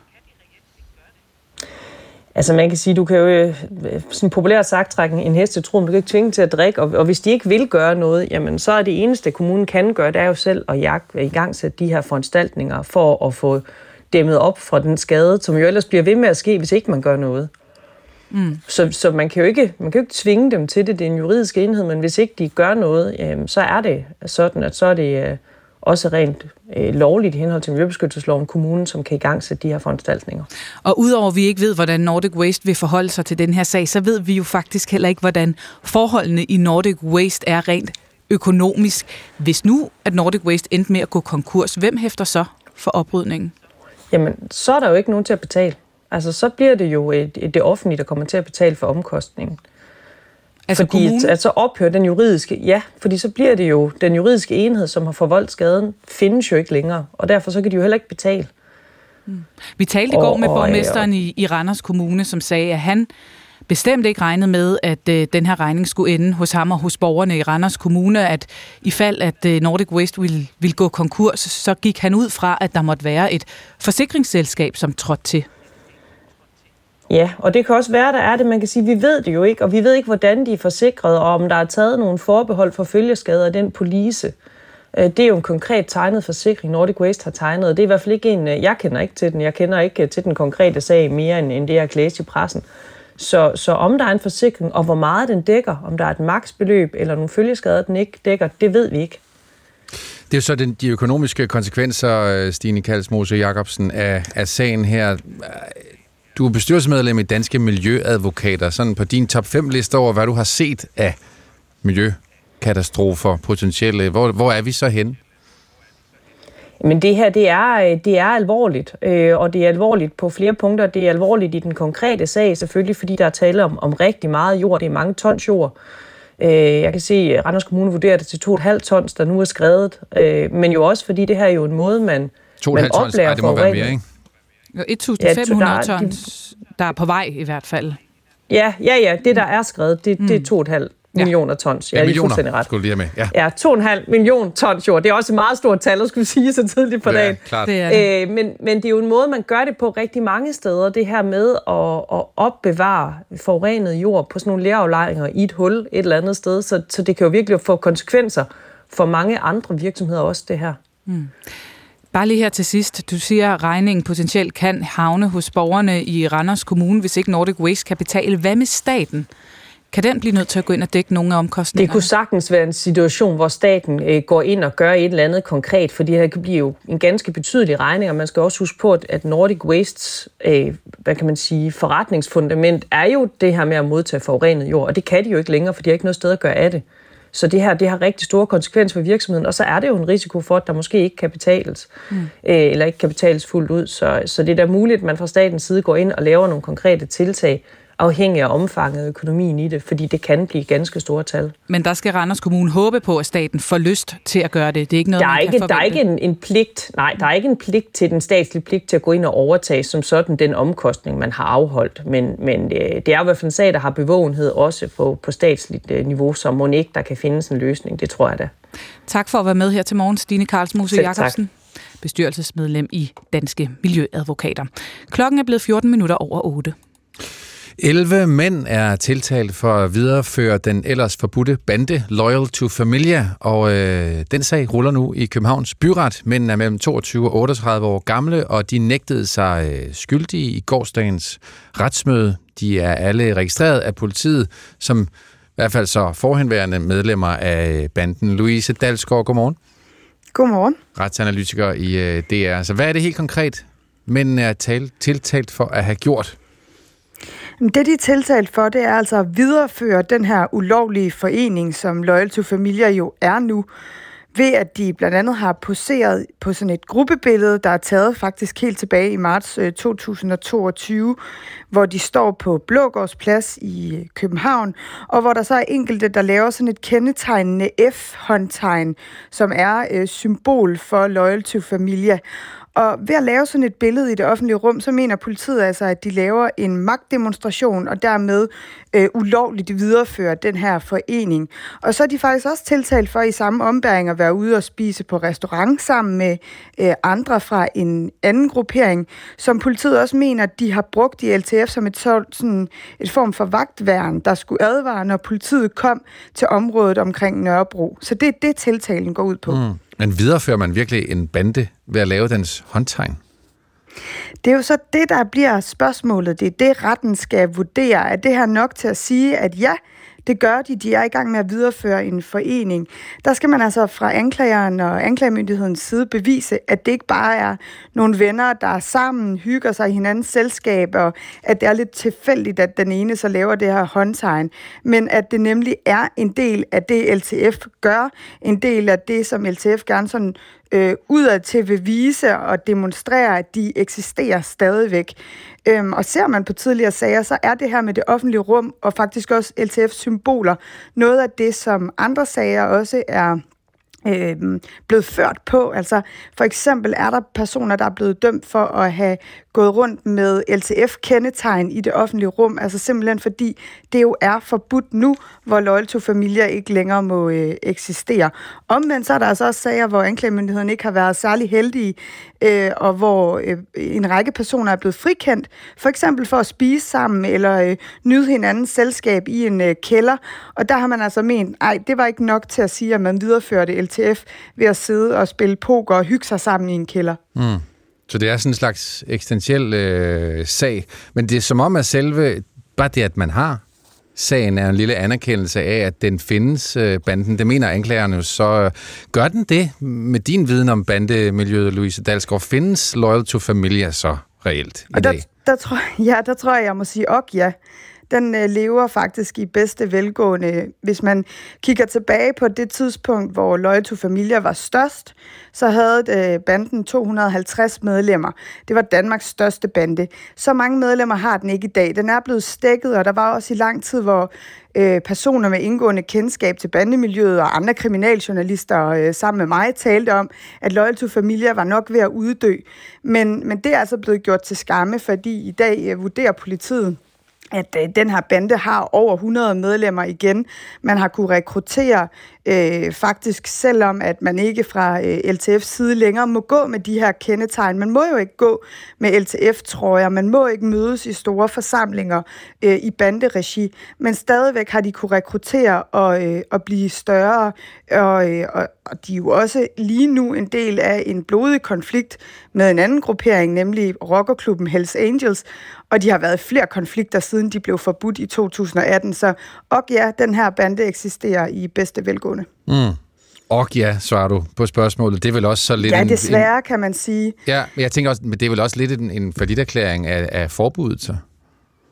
Og det er også noget, man har diskuteret os internt i politiet, men omvendt må man også sige, at det at have de her redskaber, for eksempel at kunne rejse en sag om, at det er ulovligt at videreføre banden, og dermed også måske kunne få nogle LTF-medlemmer væk fra gaden. Det er jo også noget, politiet kan bruge som redskab til netop at sørge for, at bandemedlemmer konstant bliver øh, fængslet, bliver sigtet for lovovertrædelser. Og det har man faktisk været ret glad for i politiet. Så det er ikke sådan, fordi at man, bare fordi LTF eksisterer, kan sige, at det har været øh, en erklæring med det her forbud. Fordi spørger man rundt omkring i politiet, så er det faktisk noget, de er glade for. Der er også en række værktøjer med opholdsforbud, hvor man simpelthen kan sige til LTF-medlemmer, at de ikke må øh, befinde sig på bestemte steder, hvis de er dømt for bandekriminalitet. Det hjælper også politiet i deres øh, mm. daglige arbejde. Så hvis man ikke havde gjort det ulovligt, kunne man sige omvendt, så ville den måske have vokset sig endnu større? Lige præcis.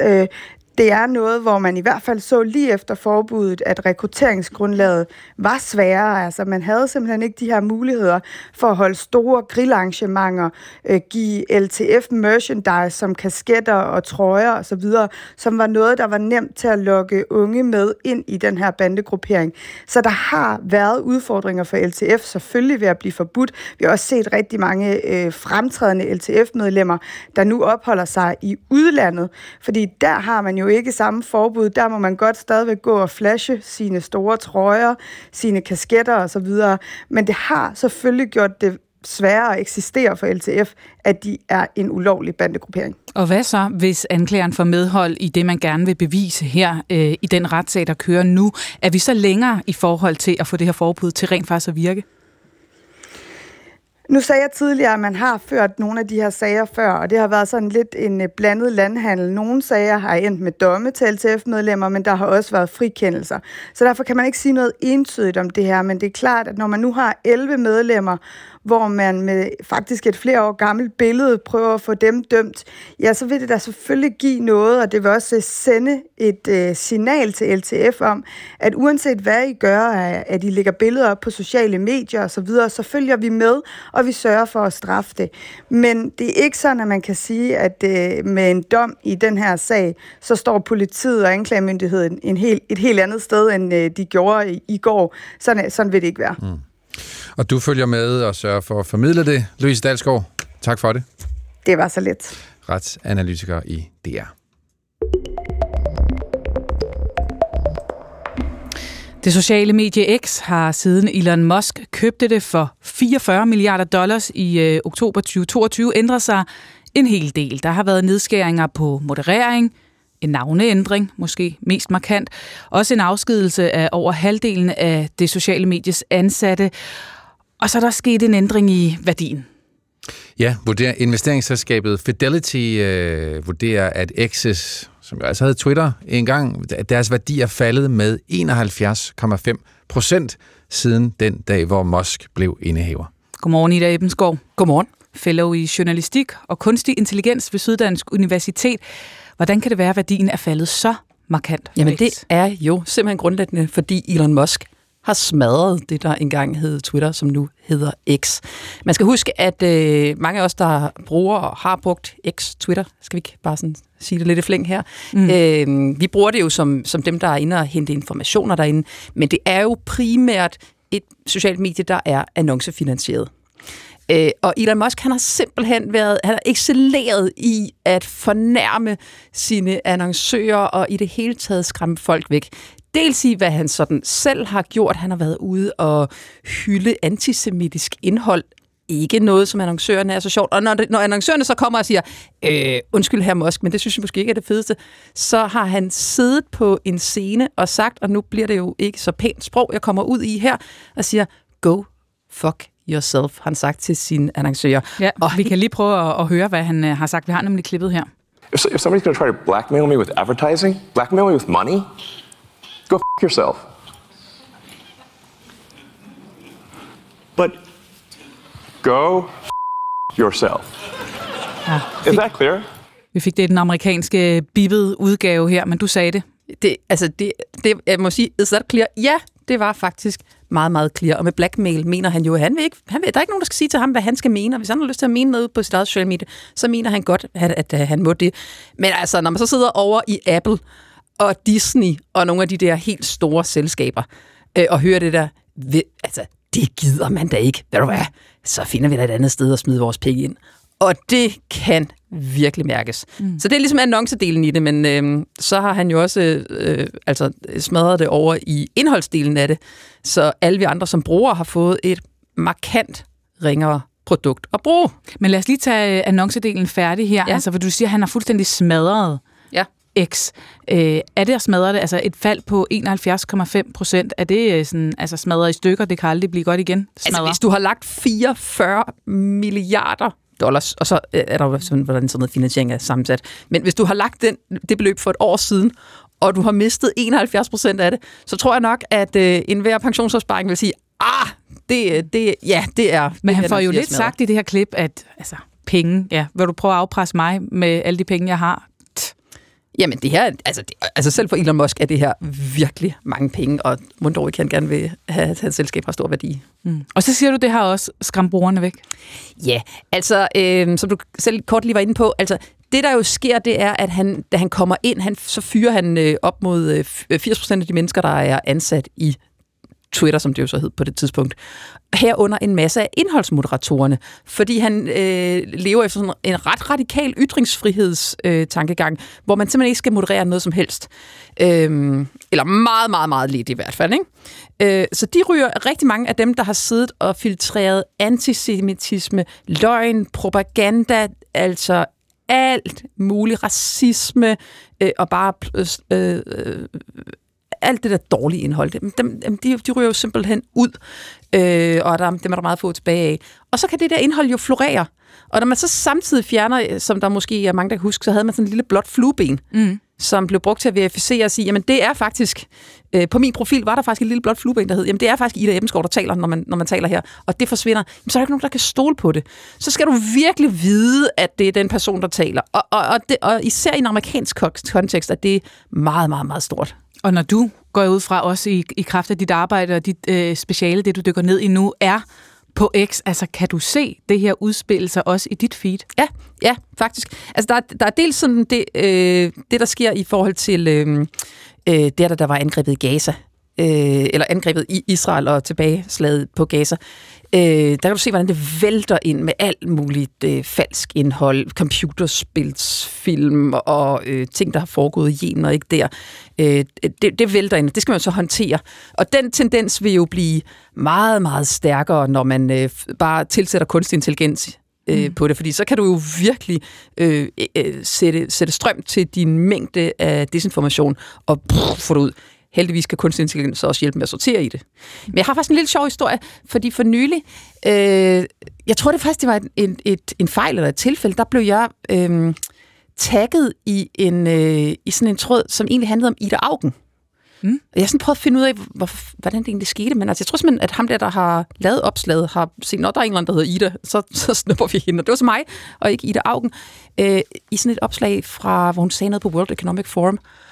Og øh, så gik troldehæren bare løs. Og, og, Mod dig, eller hvad? Ja, altså, altså, jeg var jo tagget, men det handlede jo overhovedet ikke om mig, så jeg kunne bare følge med fra, fra indersiden af, hvordan der er som politiker mm. på sådan en medie. Jeg vil bare sige, øh, det der, de siger derude, det er rigtigt. Det er helt vanvittigt. Og det vælter jo bare ud med, med, med had og landsforrædere og alt muligt juks. Altså til sidst jeg selvfølgelig ikke læse det. Men det er ret vildt at se, når man sådan prøver... Blev du overrasket over, hvor, hvor vildt det var? Nej, vi ved det jo godt, ikke? Altså, øh, nu stod jeg lige og kiggede lidt i Pernille Skibers bog om, øh, om, om øh, kvindehed på de sociale medier. Altså, det er, det er hæftigt. Mm. Og det er ærgerligt, fordi at Twitter var faktisk et rigtig godt sted til at finde informationer. Og det er det jo sådan set stadigvæk. Altså, der er jo så meget desinformation, er der jo ikke på, mm. på dansk grund, vel? Altså. Nej, fordi vi ser jo også øh, trolls og, og had øh, ja. på sociale medier på andre platforme, men det er ude af kontrol på X, eller hvor er vi henne? Ja, det, det er nok nærmest der, vi er. Men, men, men husk nu, hvad det er for en kontekst, vi er i. Der er forskel på, om det er... Altså, så meget desinformation var der jo nok heller ikke øh, om dronningens nytårstale, trods alt, vel? Men når vi kigger ind i et valgår, øh, i USA, eller i hele verden, der skal jo være valg øh, rigtig, rigtig mange steder i verden i år, øh, jamen så er det klart, så er det jo vigtigt, at vi kan stole på de ting, der kommer, og det er blevet sværere. Og så flytter folk jo, og så har du den anden del af det, jamen så siger vi jo, jamen ved du hvad, hvis jeg ikke kan stole på det, altså, jamen, kan vi være venner, så smutter vi over og holder fest på den sociale medie, fordi så er der jo, der er jo 5, 7, 10 andre tilbud, som man bare kan vælge i stedet for. Så annoncørerne forsvinder, brugerne forsvinder ja. også. Siger du, hvad bliver konsekvensen? Altså, står vi over for et X, der skal lukke? Nej, det tror jeg bestemt ikke. Nej, nej, der, altså, øh, husk, det er jo stadigvæk kæmpestort. Ej, altså, der, det, det er i hvert fald ikke sådan noget, jeg har tænkt mig at sidde og stå og spå om lige her. Nej, men hvis du kigger på det, så, så er det jo et stykke af offentligheden, som er blevet dårligere. Et sted, hvor der på et tidspunkt kunne øh, især i sådan nogle øh, små, lidt koncentrerede øh, bobler omkring øh, Christiansborg og politik og den slags ting, hvor man kunne øh, bryde meninger, og det kan man jo ikke så, så meget mere. Og i virkeligheden så er det jo sådan lidt, altså det i virkeligheden så er det sådan, jeg synes faktisk, det er et meget godt eksempel på, hvordan en person kan ændre øh, verden ret markant på meget kort tid. Men når jeg kigger ind på X, så er de der jo stadig alle sammen, alle politikerne for eksempel. Ja, ja, men, men, øh, men Kevin, du, altså, no offense, men, men, men som, som journalist på tonangivende medie er man jo også en del af en meget lille elitær gruppe. Altså, det er en boble, Øh, men som salmedigteren øh, Kolon sagde, så boblen er altså ikke verden. Øh, så de, de vil blive der, tænker du, beslutningstager? Jamen, der er jo mange, der også forsvinder. Jeg, jeg tror, det flytter alle mulige steder hen. Det har slet ikke det samme impact, som det havde engang. Men selvfølgelig er der, er der, er der mange, der er tilbage. Ikke? Mm. Men på, da jeg var chefredaktør på, eller på Zetland, så var der på et tidspunkt, havde vi en lortesag. Og så, så øh, sagde øh, vores fantastiske chef for engagement, han sagde, hvad skal vi gøre, hvis det flytter sig fra Twitter og over til virkeligheden? Altså underforstået, at, at der kan jo udspille sig hele borgerkrige over på, på, på X-Twitter, uden at man sådan nødvendigvis bemærker det ude i den store offentlighed, og så har man haft en kæmpe diskussion om det. Hmm. Så med det, men det er måske heller ikke så skidt, hvis vi begynder at kigge andre steder hen end X. Ja, jeg, for, ud fra et publicistisk synspunkt vil man jo altid ønske, at der er nogle gode steder, at øh, meninger kan brydes. Øh, og, hvor vi, og, og helst et sted, hvor vi har respekt for hinanden og taler på, til hinanden. Og det er jo det, det er jo den der øh, skolegårdsmentalitet, altså Mosk mm. som mob, mobbeoffer, der fører den der ind i noget, der engang var et rigtig godt socialt medie. Øhm, men det, det er sjovt med det med, med, med Musk, ikke? Prøv at se, prøv at se hvordan, man, hvor, hvordan et menneske med magt... Prøv at tænke på, altså, og nu er det ikke, fordi det hele skal handle om dronning Margrethe i øjeblikket, vel? Men, men hvor stor forskel der er på, hvad du bruger som enkelt menneske, bruger din magt til. Om du bruger den til at sprede, eller om du bruger den til at samle. Om du bruger den til at, øh, at få, få, få hadet sluppet op, eller om du bruger det til at, øh, at sige noget meningsfyldt om at øh, samle mennesker. Og det er jo et, et valg, som alle de mennesker, der har magt, står i hver eneste dag. Hvad skal jeg bruge den magt til? Skal jeg bruge den til den ene eller den andens tjeneste? Lad os, øh, lad os slutte der, i ja. Ebenskov. Tak fordi du kom ind og øh, fortalte. Det var så let. Fellow i Journalistik og Kunstig Intelligens ved Syddansk Universitet. Jeg er sikker på, at Morten Snell Lauritsen vil samle nationen og sige noget meget meningsfuldt. Nu i sit nyhedsoverblik klokken er to minutter over halv ni. Værsgo. Ja, tak for det. Jeg skal prøve noget, der måske kan samle os, og som er ens for stort set os alle sammen. Det er vinterværet lige i øjeblikket, og det har stadigvæk ret godt fat i det meste af Danmark, selvom DMI faktisk her til morgen har øh, afblæst de sidste varsler om snestorm. Nu lyder meldingen i stedet, at man skal være opmærksom på vejrudviklingen. Men det betyder altså ikke, at de trafikale udfordringer er helt overstået. Rundt om i landet, der har beredskabet stadig travlt, fortæller formand for Danske Beredskaber, Jarl Vagn Hansen. Hvis vi zoomer ind på der, hvor der er sne, jamen så har vi assisteret mange steder med at køre hjemmeplejen rundt, få kørt medicin ud. Vi har hjulpet med at, at oprette og øh, få evakueret ind fra, fra motorvejen. Nå, Vintervad har også sat sine spor ude på skinnerne her til morgen. Der kører nemlig færre tog, og dem, der så kører, ja, de gør det altså med forsinkelser. Det fortæller områdeschef hos Bane Danmark, Nikolaj Schmidt Sisgaard allerede i går besluttede vi jo at have en del strækninger, blandt andet i Nord- og Midtjylland, som vi helt har indstillet for togtrafik. Og øh, vi har jo også en del strækninger her på Sjælland, hvor vi altså kører timedrift helt frem til øh, klokken 12 i dag. Oslofærgen, der har været fanget på åbent hav i døgn, er nu kommet i havn her til morgen. Færgen den skulle have lagt til i går morges, men på grund af den kraftige vind, ja, der måtte besætningen og de 900 passagerer blive til havs indtil for kort tid siden.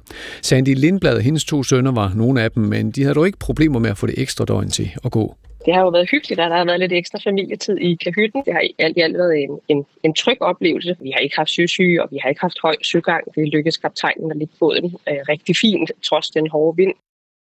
Ja, det er altså vinter derude stadigvæk, hvis nogen skulle være i tvivl. Men det lysner så småt. I løbet af dagen, der skulle det faktisk holde tørt, og så kan der også godt komme perioder med lidt eller nogen sol. Temperatur mellem frysepunktet og 5 minus grader. Vinden den er frisk til cooling omkring nordøst, men den aftager faktisk også langsomt i løbet af dagen. Morten Runge og Pernille Rudbæk, så skal det handle om kongelige hofleverandører, eller er de nu det? Eller forhenværende, ja, desværre. Øh, 104 danske virksomheder og fem udenlandske kan i dag i hvert fald skilte med, at de er såkaldt kongelige hofleverandører. Det er der mange, der putter i deres logo, og det kan være et salgsargument, mm. øh, hvis man vil ud og, og skabe noget troværdighed omkring sit brand. Men den ret mister de ved tronskiftet. Ja, det har Kongehuset skrevet i en pressemeddelelse. Virksomhederne vil øh, kunne kalde sig kongelige hofleverandører frem til Ja, minimum 14. januar 2025 dog, men hvad der sker øh, derefter, ja, det er, er der ingen, der ved. Nej. Rina Hansen, godmorgen. Godmorgen. Du er ejer af Randers med H efter æret, som laver læderhandsker, og som er, og det er der også i jeres logo, som jeg lige fandt, kongelig hofleverandør. Det står ovenover handskebrandet der. Hvordan mm. har du det oven på nyheden om, at nu mister I jeres status som kongelig hofleverandør? Åh, oh gosh, det gav en, øh, en kæmpe klump i halsen, da jeg læste det i går aftes.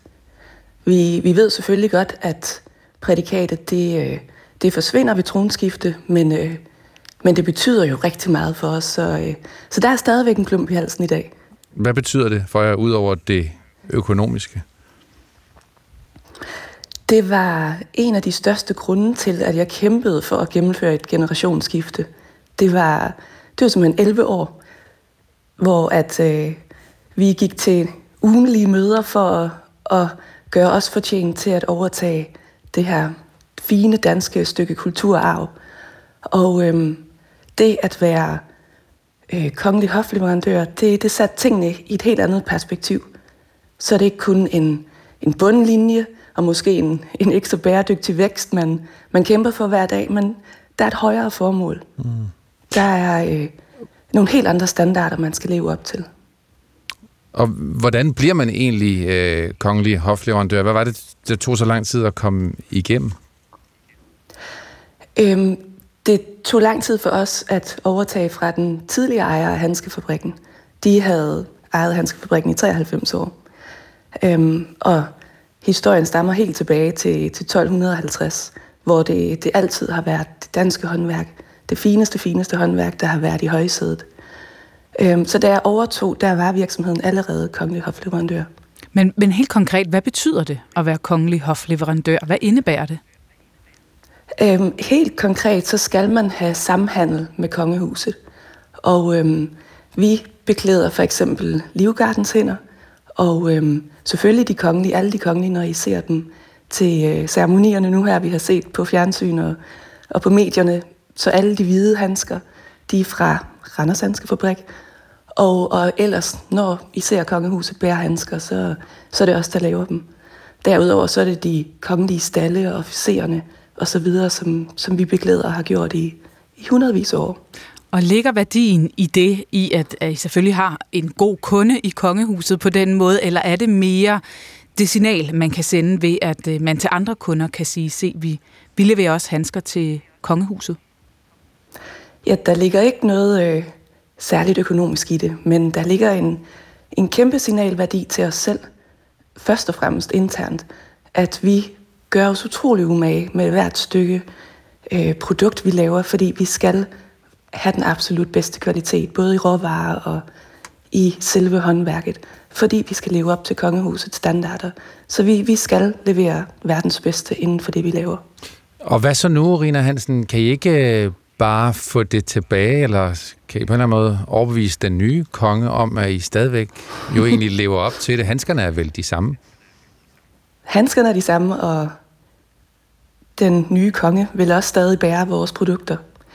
Øhm, men øh, jeg tror, vi bliver nødt til at vente og se, hvad kongehuset bestemmer sig for.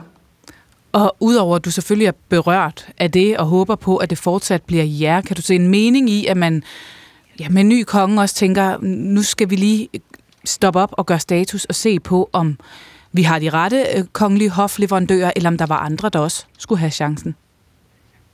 Mm. Det giver altid mening at stoppe op og evaluere. Og det er jo et fantastisk tidspunkt at gøre det. Øhm, jeg vil ikke synes, at det giver mening for dansk kultur at afskaffe kongelige hofleverandører. Det er noget, som er så indgroet i både skandinavisk, men også øh, europæisk øh, kvalitetsstandarder, at man har kongelige hofleverandører prædikater. Mm. Så det, det er ikke blot et kvalitetsstempel, men det er et stykke kulturarv, som virksomheder bærer videre. Mm, men jeg tænker også mere, hvis øh, man stopper op og siger, at nu kunne du være en anden handske virksomhed, der skulle levere til kongehuset. Ja, der findes ikke andre i Danmark, og heller ikke i, mm.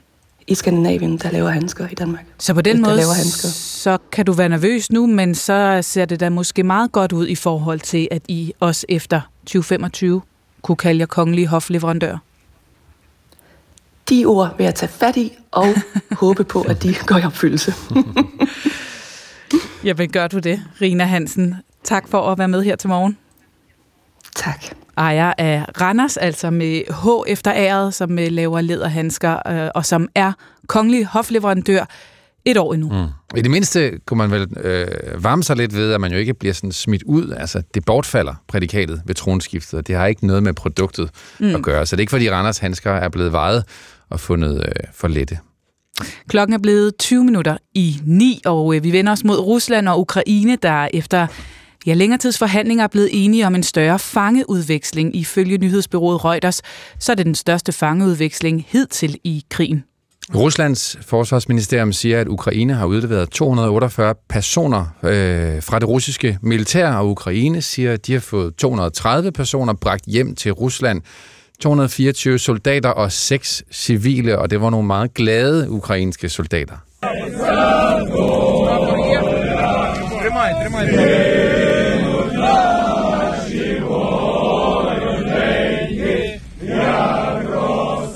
Det er skønsang fra ukrainske mænd. De, øh, de synger nationalsangen, og det gør de foran de busser, de er kommet hjem i, og så står de ellers med ukrainske flag om sig og krammer hinanden. Og det er altså også en fangeudveksling, der har stor betydning i Ukraine. Det fortæller Britta Kvist, der er vores journalist i Ukraine. Ja, det er lyden af en god nyhed i øh, ukrainernes ører i en tid, hvor der jo har været øh, voldsomme russiske missilangreb, som øh, både har kostet mange øh, øh, liv og, og mange sårede. Så kan man altså øh, høre det her øh, blandede mandskor at stå øh, der i, i, i mørket her i sent i aftes og, og være blevet sat fri. Så, øh, Og ved vi noget om, hvem de er? Ja, det har man egentlig ret, ret detaljeret fortalt fra ukrainsk side, at det både er øh, soldater, som har, ham, har haft øh, status af, altså ifølge konventionerne, krigsfanger, og så er det savnede. Det er også både øh, soldater, det er grænsepoliti, det er øh, militærkirurg, det er enkelte øh, civile, øh, 225 mænd og fem kvinder, altså de der øh, 230 i alt. Og, og, og nogle af dem er, hvad kan man sige, også forbundet med nogle meget altså, ikoniske slag, og er blevet øh, helt tilbage fra starten af krigen, næsten to år nu, taget til fange. Nogle af dem forsvarede øh, Tjernobyl-værket, altså det er jo ulykkesramte atomkraftværk op i den nordlige del af Ukraine, fordi russerne kom jo også fra, fra Belarus, øh, og andre er kæmpere fra øh, Azovstal. Jeg tror, lytterne kan huske det her stålværk i Mariupol, hvor man bare fik mere og mere øh, og en, en fornemmelse af, at det her det, det kunne ikke ende med en ukrainsk sejr. Mm. Øh, nogle af dem er også blevet sat fri, men dem er der også en, en, en del tilbage af i russisk øh, fangenskab. Så det er en gruppe mænd, der kommer tilbage som helte? Det er der overhovedet ingen tvivl om. Øh, og øh, så giver det selvfølgelig et... Øh, et håb øh, for de pårørende, som sidder og venter på øh, andre, som er blevet taget øh, til fange af russerne. Men glemmer man lidt så, at man jo også har været nødt til at returnere 248 russiske soldater til Rusland? Øh, det tror jeg, man betragter som en del af, at sådan, sådan, er, sådan, er, det, øh, sådan er det. Og øh, øh præsidenten Zelensky, han kommenterede det faktisk på den måde. Han har selvfølgelig også været ude og sige, at, øh, at det her er meget, øh, meget øh, positivt og meget, meget glad nyhed. Men han har så også takket øh, de ukrainske styrker og sagt, at øh, jo flere de tager til fange, og som han siger, putter i vores øh, udvekslingsfond, jo bedre. Altså jo flere kan man øh, få fri øh, fra den russiske side. Ja, hvor svært har det været at få dem fri? Ja, det kan vi jo ikke sådan kigge med i bag kulissen i, men det er i hvert fald øh, meget længe siden, der har været en fangeudveksling sidst. Der har været, ifølge den ukrainske ombudsmand, øh, 49 i løbet af, af hele øh, krigen siden den russiske invasion, og mere end 2800 er blevet sat fri i alt. Men den sidste udveksling var i august og der var det bare øh, 22 ukrainere, der kom fri. Og siden der har der været, været på ukrainsk side sådan en øh, beskyldninger på for Rusland om, at det var dem, der blokerede, at de gjorde forskellige ting for at presse de pårørende. Så det, det, har, virket, øh, det har virket, som om det stod stille i en periode. Du kaldte det en, øh, en glædelig nyhed, Brita, eller det synes øh, ukrainerne i hvert fald, det synes man vel også, hvis man er tilhænger af en eller anden form for fred der. Men, men hvor langt kan vi trække den glæde der i, i forhold til resten af alt det, der foregår stadigvæk? Ah, men der er ikke nogen tvivl om, at der grundlæggende er en ret øh, mørk stemning omkring øh, det, den, den måde, som de russiske angreb er taget til på. Altså det, øh, nu er jeg jo ankommet for meget nyligt, men bare de få, jeg har talt med på vejen ind, som jo også har oplevet, hvordan det var øh, sidste vinter, de, er, de, er, de siger, at det er virkelig øh, ubehageligt og voldsomt, det der, det der sker nu. Men altså, man har virkelig også brug for sådan nogle billeder som dem her, med nogen, der bare er, er, er lettede øh, og, og glade. Men du siger også, at øh, selvom det er glædeligt nu, så er der blevet længere mellem fangeudvekslingerne. Hvor, hvordan kan det være? Ja, det øh, er der sikkert nogen, der ved. Øh, men det er jo af gode grunde ikke noget, man giver meget indsigt i, hvad det egentlig er, der foregår her. Det eneste, vi har fået at vide, er, at øh, de forenede arabiske emirater har øh, spillet en rolle øh, i forhold til at øh, formidle male mellem de to. Men vi skal jo selvfølgelig huske, at altså, Rusland har jo øh, på den måde lige så meget i klemme i forhold til de der ud, udvekslinger, som, øh, som øh, ukrainerne har. Men øh, i hvert fald så øh, er det så lykkedes nu, også med det største antal, det har været hidtil. Til det kan man selvfølgelig sige, at eftersom der er gået lang tid øh, siden, den, øh, siden den sidste udveksling, så er der måske også det, der er grunden til, at det er et større antal den her gang. Ja, sådan fortalte Britta Kvist, vores journalist med fra Kiev i Ukraine. Og krigen fylder i øh, Ukraine, men det gør den selvfølgelig også i øh, Rusland. Og lige nu sidder russiske undervisere og pædagoger og lægger sidste hånd på næste skoleårs pensum for grundskolen. Og det bliver blandt andet med et nyt fag på skoleskemaet fra 5. til 9. klasse, som ikke er helt øh, sædvanligt. Ja, det hedder grundlæggende sikkerhed og beskyttelse af moderlandet. Det kan det i hvert fald oversættes til, og det kommer blandt andet til at indeholde våbentræning, ligesom der også vil være historiske elementer, og så vil der være gæsteforelæsere fra fronten i Ukraine. Det fortæller Valentina Shapovalova, der er Ph.D. på Institut for Kommunikation på Københavns Universitet det her fag bygger på allerede eksisterende øh, lovgivning og allerede eksisterende undervisningsmateriale, der har været udviklet efter starten af storkrigen i Ukraine. Øh, dengang hed det her øh, meget brede fag, øh, sådan grundlæggende sikkerhed øh, og sådan livs af livet. Og det er så blevet øh, omdøbt af Putin til øh, grundlæggende aspekter af sikkerhed og beskyttelse af moderlandet, som taler meget fint ind i øh, den overordnede russiske propaganda omkring øh, den her krig. Øh, og det vi ved er, at øh, fra 5. til 9. klasse, der skal børn modtage øh, mere teoretisk undervisning omkring øh, landets øh, sikkerhed, øh, det lovmæssige aspekt, det historiske aspekt, og så også det militære aspekt. Øh, mens fra 10. til 11. klasse, der kommer den praktiske militærtræning ind, hvor øh, teenager skal have øh, grundlæggende militærtræning, øh, det vil sige, de skal lære at skyde med Kalashnikov, de skal lære at operere droner, de skal jo håndtere håndgranater, og så skal de også have undervisning i førstehjælp øh, på slagmarken. Mm. Og hvad tænker du øh, egentlig er formålet med det? Jamen, formålet er, at øh, for at sige det ikke særlig teoretisk, så er det at øh, hjernevask børn. Altså det er at bringe øh, propagandaen til øh, i undervisningslokalet, og det er at øh, gøre det mere ensartet på tværs af landet, fordi øh, den undervisning, der er foregået tidligere, det har været sådan lidt op til øh, klasselokalerne øh, eller klasselærerne øh, at bestemme, hvordan den skulle håndhæves, og der har været nogle regionale forskelle, og nu skal det hele ligesom øh, være mere standard, så børn i Vladivostok og Moskva får den samme undervisning og ligesom får øh, den samme propaganda at vide. Så det er sådan altså en måde at, øh, at samle landet på i undervisningslokalerne. Og så har de, den her undervisningsplan selvfølgelig en øh, langsigtet eller langsigtede udsigter. Og det har vi jo også, øh, vi har set det før øh, med øh, den måde Putin har omtalt den her krig på, eller den såkaldte specialmilitære operation, som den stadigvæk hedder i Rusland. Øhm, og det er jo, altså formålet er at opfostre en generation af russere, der er krigsparate, der er dybt patriotiske, og der er meget anti-vestlige og anti-ukrainske. Ja, og du siger hjernevaske direkte. Altså, ja. ved, ved vi, at et, et fag i øh, den russiske skole kommer til at gøre det?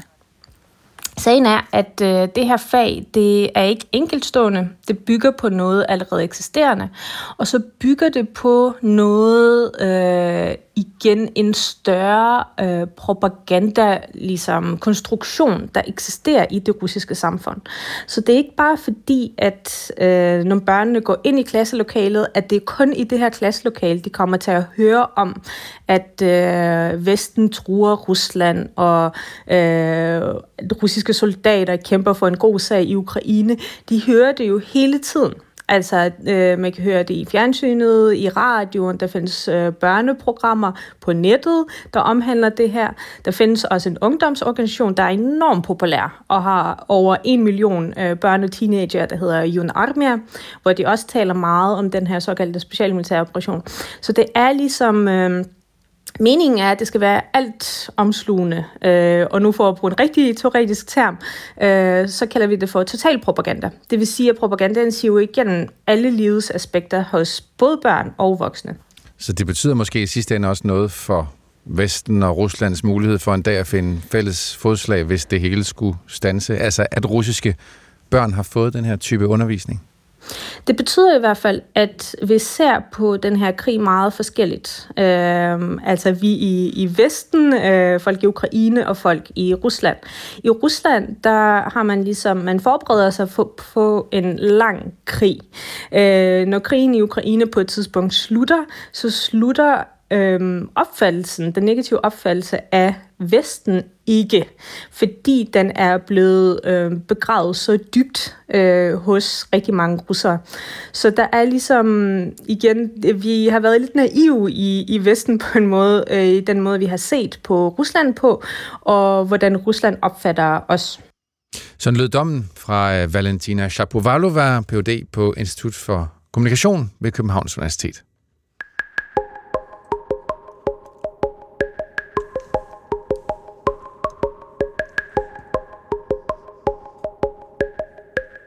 Det var da en ny jingle, du havde fundet der, Pernille. Jamen altså, den kom lige frem fra gemmerne. I dagens anledning, Stærkt. fordi det er jo en, en særlig dag i dag, ikke? Øhm, om øh, ja, 20 minutters tid efter planen, der ruller guldkareten med dronning Margrethe inde i ud i de københavnske gader på en tur fra Amalienborg til Christiansborg Slot i anledning af den sidste nytårskur i år. En uh, tradition, som dronningen jo skal være en del af fra, fra sidste gang.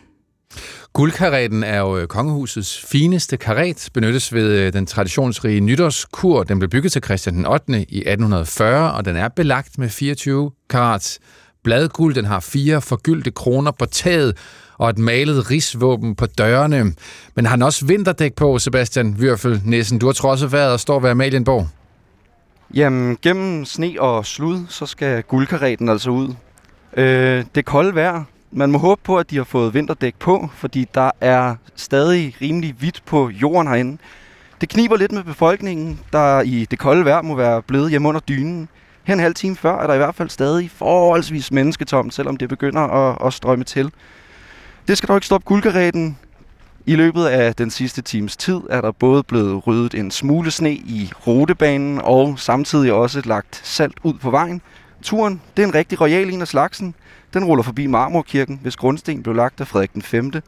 Derefter ned forbi Kongens Nytorv, der er grundlagt af Christian den 5. Og videre til Christian den 4. Holmens Kirke, for så at slutte af på Christiansborg, der er flere gange er blevet bygget op af forskellige regenter. Her skal nytårskuren som sagt fortsættes med blandt andet officerer og højtstående medlemmer af Beredskabsstyrelsen. Men inden hun kommer så langt, så skal hun lige forbi dig, Thomas Brøde Posida. Hvorfor er du her i dag? Det er for at sige uh, respekt til vores monark og sige tak for en god regenttid. Og hvad betyder dronningen for dig? Hun har betydet meget igennem mit liv. Sebastian? Jeg har været meget glad for hende, og jeg synes også selv, hun har gjort det godt, og jeg har besøgt hende så ofte jeg kunne, så må sige, herinde på Amalienborg. Og du har tidligere fejret dronningen i, i udlandet. Kan du prøve at fortælle om det? Jamen, jeg har fejret hendes fødselsdag i Australien, den danske klub i Melbourne hvor at, øh, ja, hun var der ikke selv, men vi fejrede hende med god stil. Og har du andre minder med øh, hendes kongelige majestæt?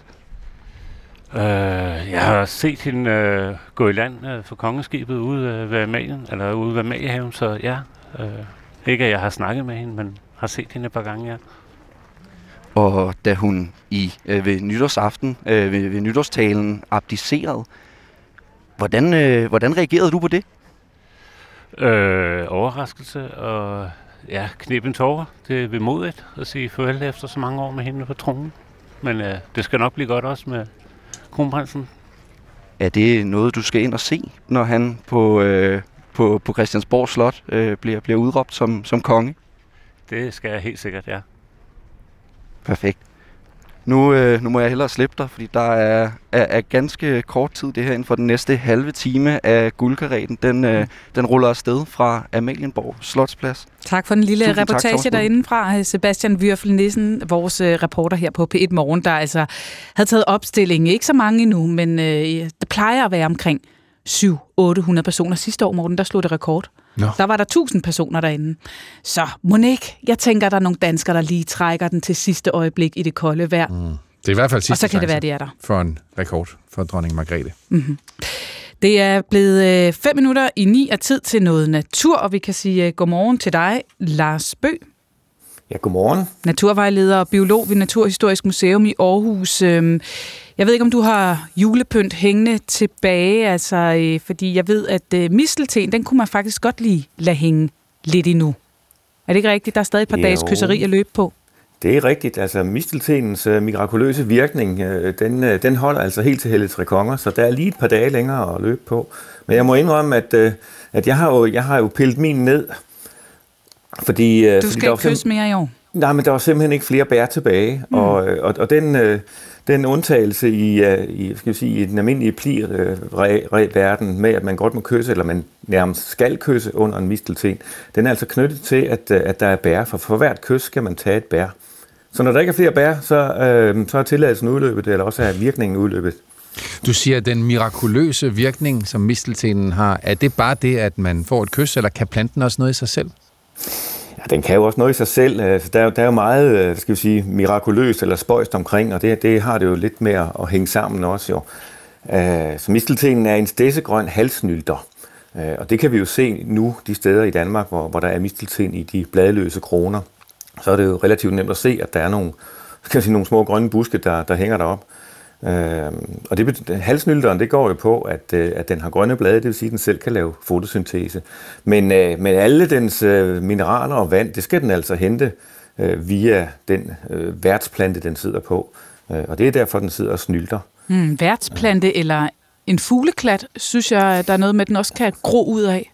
Ja, det har du ret i, det har du ret i. Altså, man har jo, det, det har taget øh, ufattelig lang tid at finde ud af, øh, øh, hvor, hvordan den egentlig øh, kommer til. Øh, man har i mange, mange hundrede år troet, at den bare poppede ud af barken på træer. Øh, og det gør den jo for sådan, for, på sin vis også, men den har altså hjælp af fugle. Øh, det er sådan, at, øh, at misteldrosselen øh, og silkehalerne, det er nok af de hovedansvarlige for spredningen. Øh, De æder simpelthen bærene, og når de så ryger igennem tarmkanalen, bliver skidt ud i den anden ende, jamen så kan de jo være så, misteltenen være så heldig, at, øh, at frøet lander på en egnet plante, på barken på en egnet plante. Øh, Og, og derfra starter så misteltenens nye liv. Det starter med at, øh, med at smide et par snylterødder ind i verdens karsystem. Øh, Og så går der en to-tre år eller sådan noget, før den får de første blade. Så det er en langsom proces. Og på den måde kan man jo godt forstå, at, øh, at det virkede som om, at den bare poppede op af en bark. Men jeg skal bare lige, Lars Bøge, altså har den en frugtbarhedsvirkning i sig selv, eller er det bare den symbol, der fører til kys? Ja, det er jo, øh, så det er jo, det er jo et godt, det er jo et godt spørgsmål. Øh, Den har jo været, øh, det er jo, jo en stærk, stærk medicinsk plante, det er der ingen tvivl om. Den har i, i årtusinder kunnet åbne dødsrigets porte, og det er dog noget, synes jeg. Det er da noget. Ja, det er da kunne noget, det. ikke? Og så kan den gøre ufrugtbare dyr frugtbare, så, så den kan altså noget. Men kan den det? Altså helt, nu spørger jeg dig som biolog. Som biolog, ah, der, er vi nok, der er vi nok lidt ude på overdrevet, Så tænker er det mere jeg. som historiefortæller. Ja, men den har nogle gode, den, den har nogle virkninger, og derfor indgår den altså også i forskellige opskrifter, og helt frem til 1950'erne, så kunne man købe noget, der hed Markgrevindens epilepsipulver på de danske apoteker. Så den har nok nogle virkninger, men sådan er det med mange giftige planter. Øh, lidt er godt, og lidt, lidt for meget, det er rigtig skidt. Altså giftige planter. Nu har vi alle sammen haft den øh, hængende derhjemme, øh, blandt andet julepynt. Hvor giftig er den? Jamen, hele planten er for så vidt giftig. Øh, nu falder man ikke død om ved at, at komme til at spise den, men, øh, men lad nu være for en sikkerheds skyld. Lad fagfolk øh, om at, at dosere giften, Mhm. eller dosere planten. Det er nok det klogeste. Men lidt kysseri Men- under mistelten, det er ikke farligt. Der er et par dage nu, og kysseriet er bestemt ikke farligt. Tak for det, Lars Bøge. Selv tak. Naturvejleder og biolog ved Naturhistorisk Museum i Aarhus. Det er du sikker på? Det kan føre til mange farligheder og sådan noget kysseri jo. Har det er en helt gjort anden det historie. historisk? Helt Alright. sikkert. Det må blive en anden dag. Øhm, Jette Damgaard og øh, Mette Dalgaard havde sat pæt morgen sammen. Her i studiet var vi Morten Runge og Pernille Rødbæk. Gå på opdagelse i alle DR's podcast og radioprogrammer. I appen DR Lyd.